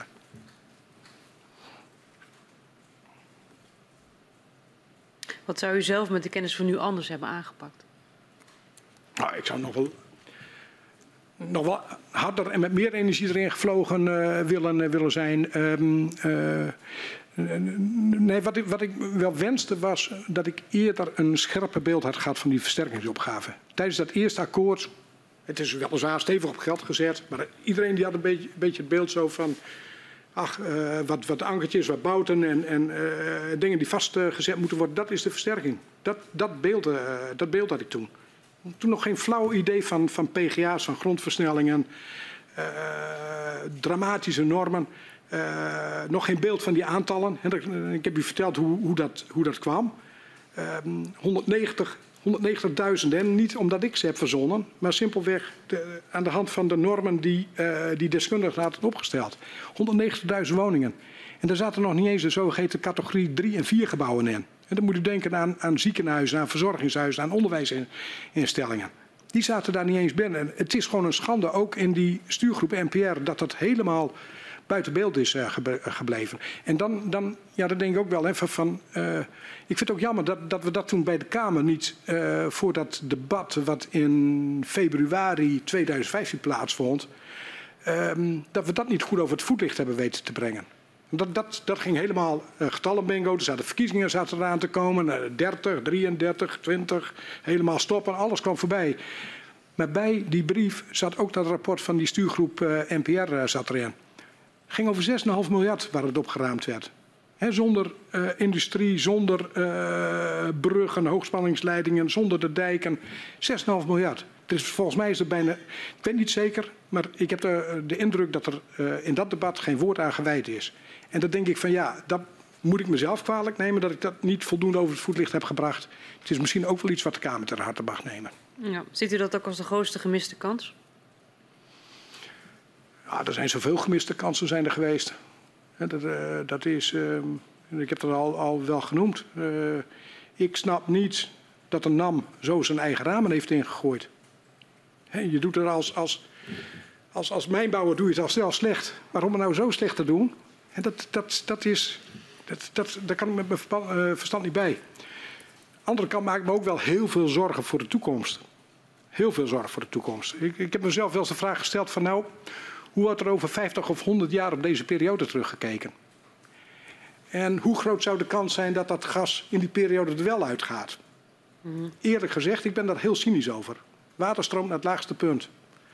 En toen die, uh, toen die gasprijs uh, op, op, op, wat was het, 300 euro per megawatt stond. De waarde, de straatwaarde, de dagwaarde van het gas wat in de grond zit. Was meer dan 1000 miljard was dat. Nou, dan gaan op enig moment gaan hongerige ogen gaan daar naar kijken. En dan kun je zeggen, nee, dat, die gaswinning die is, die is helemaal voorbij. Dat dachten we ook met, met, met kernenergie. Na Tsjernobyl dachten we ook dat, dat de kernenergie voorbij zou zijn. In 2011 zag je dat het weer opleefde. Fukushima kwam, heb de weg. Kernenergie staat nu weer op de agenda. En ik vind, en dat vind ik ook een verantwoordelijkheid voor, uh, voor de Kamer... dat je echt naar scenario's moet gaan kijken. wat als? Want het kan wel eens verrassend snel gaan, hoor. Ja. Stel nou voor dat, dat een Amerikaanse president naar onze minister-president gaat bellen. En die zegt, joh, uh, het gaat helemaal niet goed daar in Duitsland. En, en het is helemaal out of control. draai die gaskraan open. En als, als Scholz vanuit Duitsland zegt, joh, regel dat met die Groningers. He, bij ons in Duitsland met de bruinkoolwinning hebben we ook complete dorpsgemeenschappen hebben we verplaatst. Ik ben daar heel cynisch over. En, en ik, ik zie niet dat dat is een soort taboe-onderwerp om echt in scenario's te denken. Dat vond ik ook met, met, met, met dat veiligheid vond ik dat ook iets. Iedereen zat monomaan in die woningen die moeten versterkt worden. Ja. ja. als iets niet haalbaar en realiseerbaar is, dan moet je dat niet gaan doen. Dan moet je ook over alternatieven gaan nadenken. En ja, ja ik maak me daar wel zorgen over. Ik ben bang dat Groningen dan weer in de steek wordt gelaten en, en dat het weer over Groningen heen valt en uh, dat die gaskraan wel weer opengedraaid wordt. Ziet u dan nog mogelijkheden om de situatie voor Groningers te verbeteren? Nou, uh, mentaal komt dit nooit meer goed. Dat, dat, uh, dat, dat is. Um, nee, dat, dat, moet misschien wel een generatie moet er, moet er overheen gaan. En um, je zag het ook, die versterkingsoperatie richting het moeras gaan. Nou, die zit midden in het moeras. Wat is er versterkt? 600. 600. Ook zo'n zo'n punt, hè? Een dialoogtafel van 8 oktober 2014. Schotman liet mij een notitie zien. Die zegt, kijk, zegt hij, dit uh, ga ik aan de minister voorstellen. 1500 woningen versterken in, uh, in 2015. Twee Eén of twee dagen later is een debat in de Kamer. De minister zegt, we gaan 3000 woningen gaan versterken. Nou, u heeft ook gesproken met de heer Hut. Hè, ook over, ja, had hij de manschappen om dat, uh, om dat te doen? Ja. Bij voorbaat stond er vast, dat, dat gaat niet meer goed komen. Maar u ziet geen, op dit moment eigenlijk geen verbetering voor Groningers? Nou, ik ben van nature ben ik optimist, maar uh, het, het, uh, het, kost wel heel veel moeite om hier optimisme uh, op te brengen hoor. En, aan de andere kant, er zijn ook wel Groningers die er wel goed uitgekomen zijn, hè, die van de nood een deugd hebben kunnen maken. Maar dat zijn doorgaans de mensen die zelfredzaam zijn, die zelf organiserend vermogen hebben, die, die door hun eigen individuele jungle heen weten, weten te kappen, die een mooi arrangement hebben voor een nieuwe woning. Maar ja, die, die harde scheidslijnen, hè? hier krijgen mensen een compleet nieuwe woning. En daar uh, wordt de poel wordt een beetje opgelapt. En hier wordt iemand blij gemaakt met het budget voor een nieuwe woning. En tezelfde tijd blijkt dat de bouwprijzen met 20% omhoog gegaan zijn. En dat er dan weer discussie is, ja, moet dat wel of niet gecompenseerd gaan worden? Dan moet je maar als inwoner, inwoner maar uh, genoegen nemen met een, uh, met een kleinere woning of een sobere woning. Dat, dat, dat gaat tot op de dag van vandaag door. En Um, en ik vind echt dat de Kamer zich de vraag moet stellen van hoe kan het dat wij dit type, hè, wicked problems noemen ze dat in het jargon, dat we niet, die niet goed het hoofd uh, kunnen, uh, kunnen bieden. Want dit speelt niet alleen met de gaswinning. Maar dit zie je ook met de toeslagenaffaire. Daar gaat het leed ook tot op de dag van vandaag gaat het door. Ja. En het speelt ook, Ja. bij de stikstof speelt het ook. En daar is precies ook de enquête voor, voor bedoeld. Dank. Wij zijn uitgevraagd. Dank voor uw medewerking. En ik eh, verzoek eh, de griffier om u naar buiten te geleiden.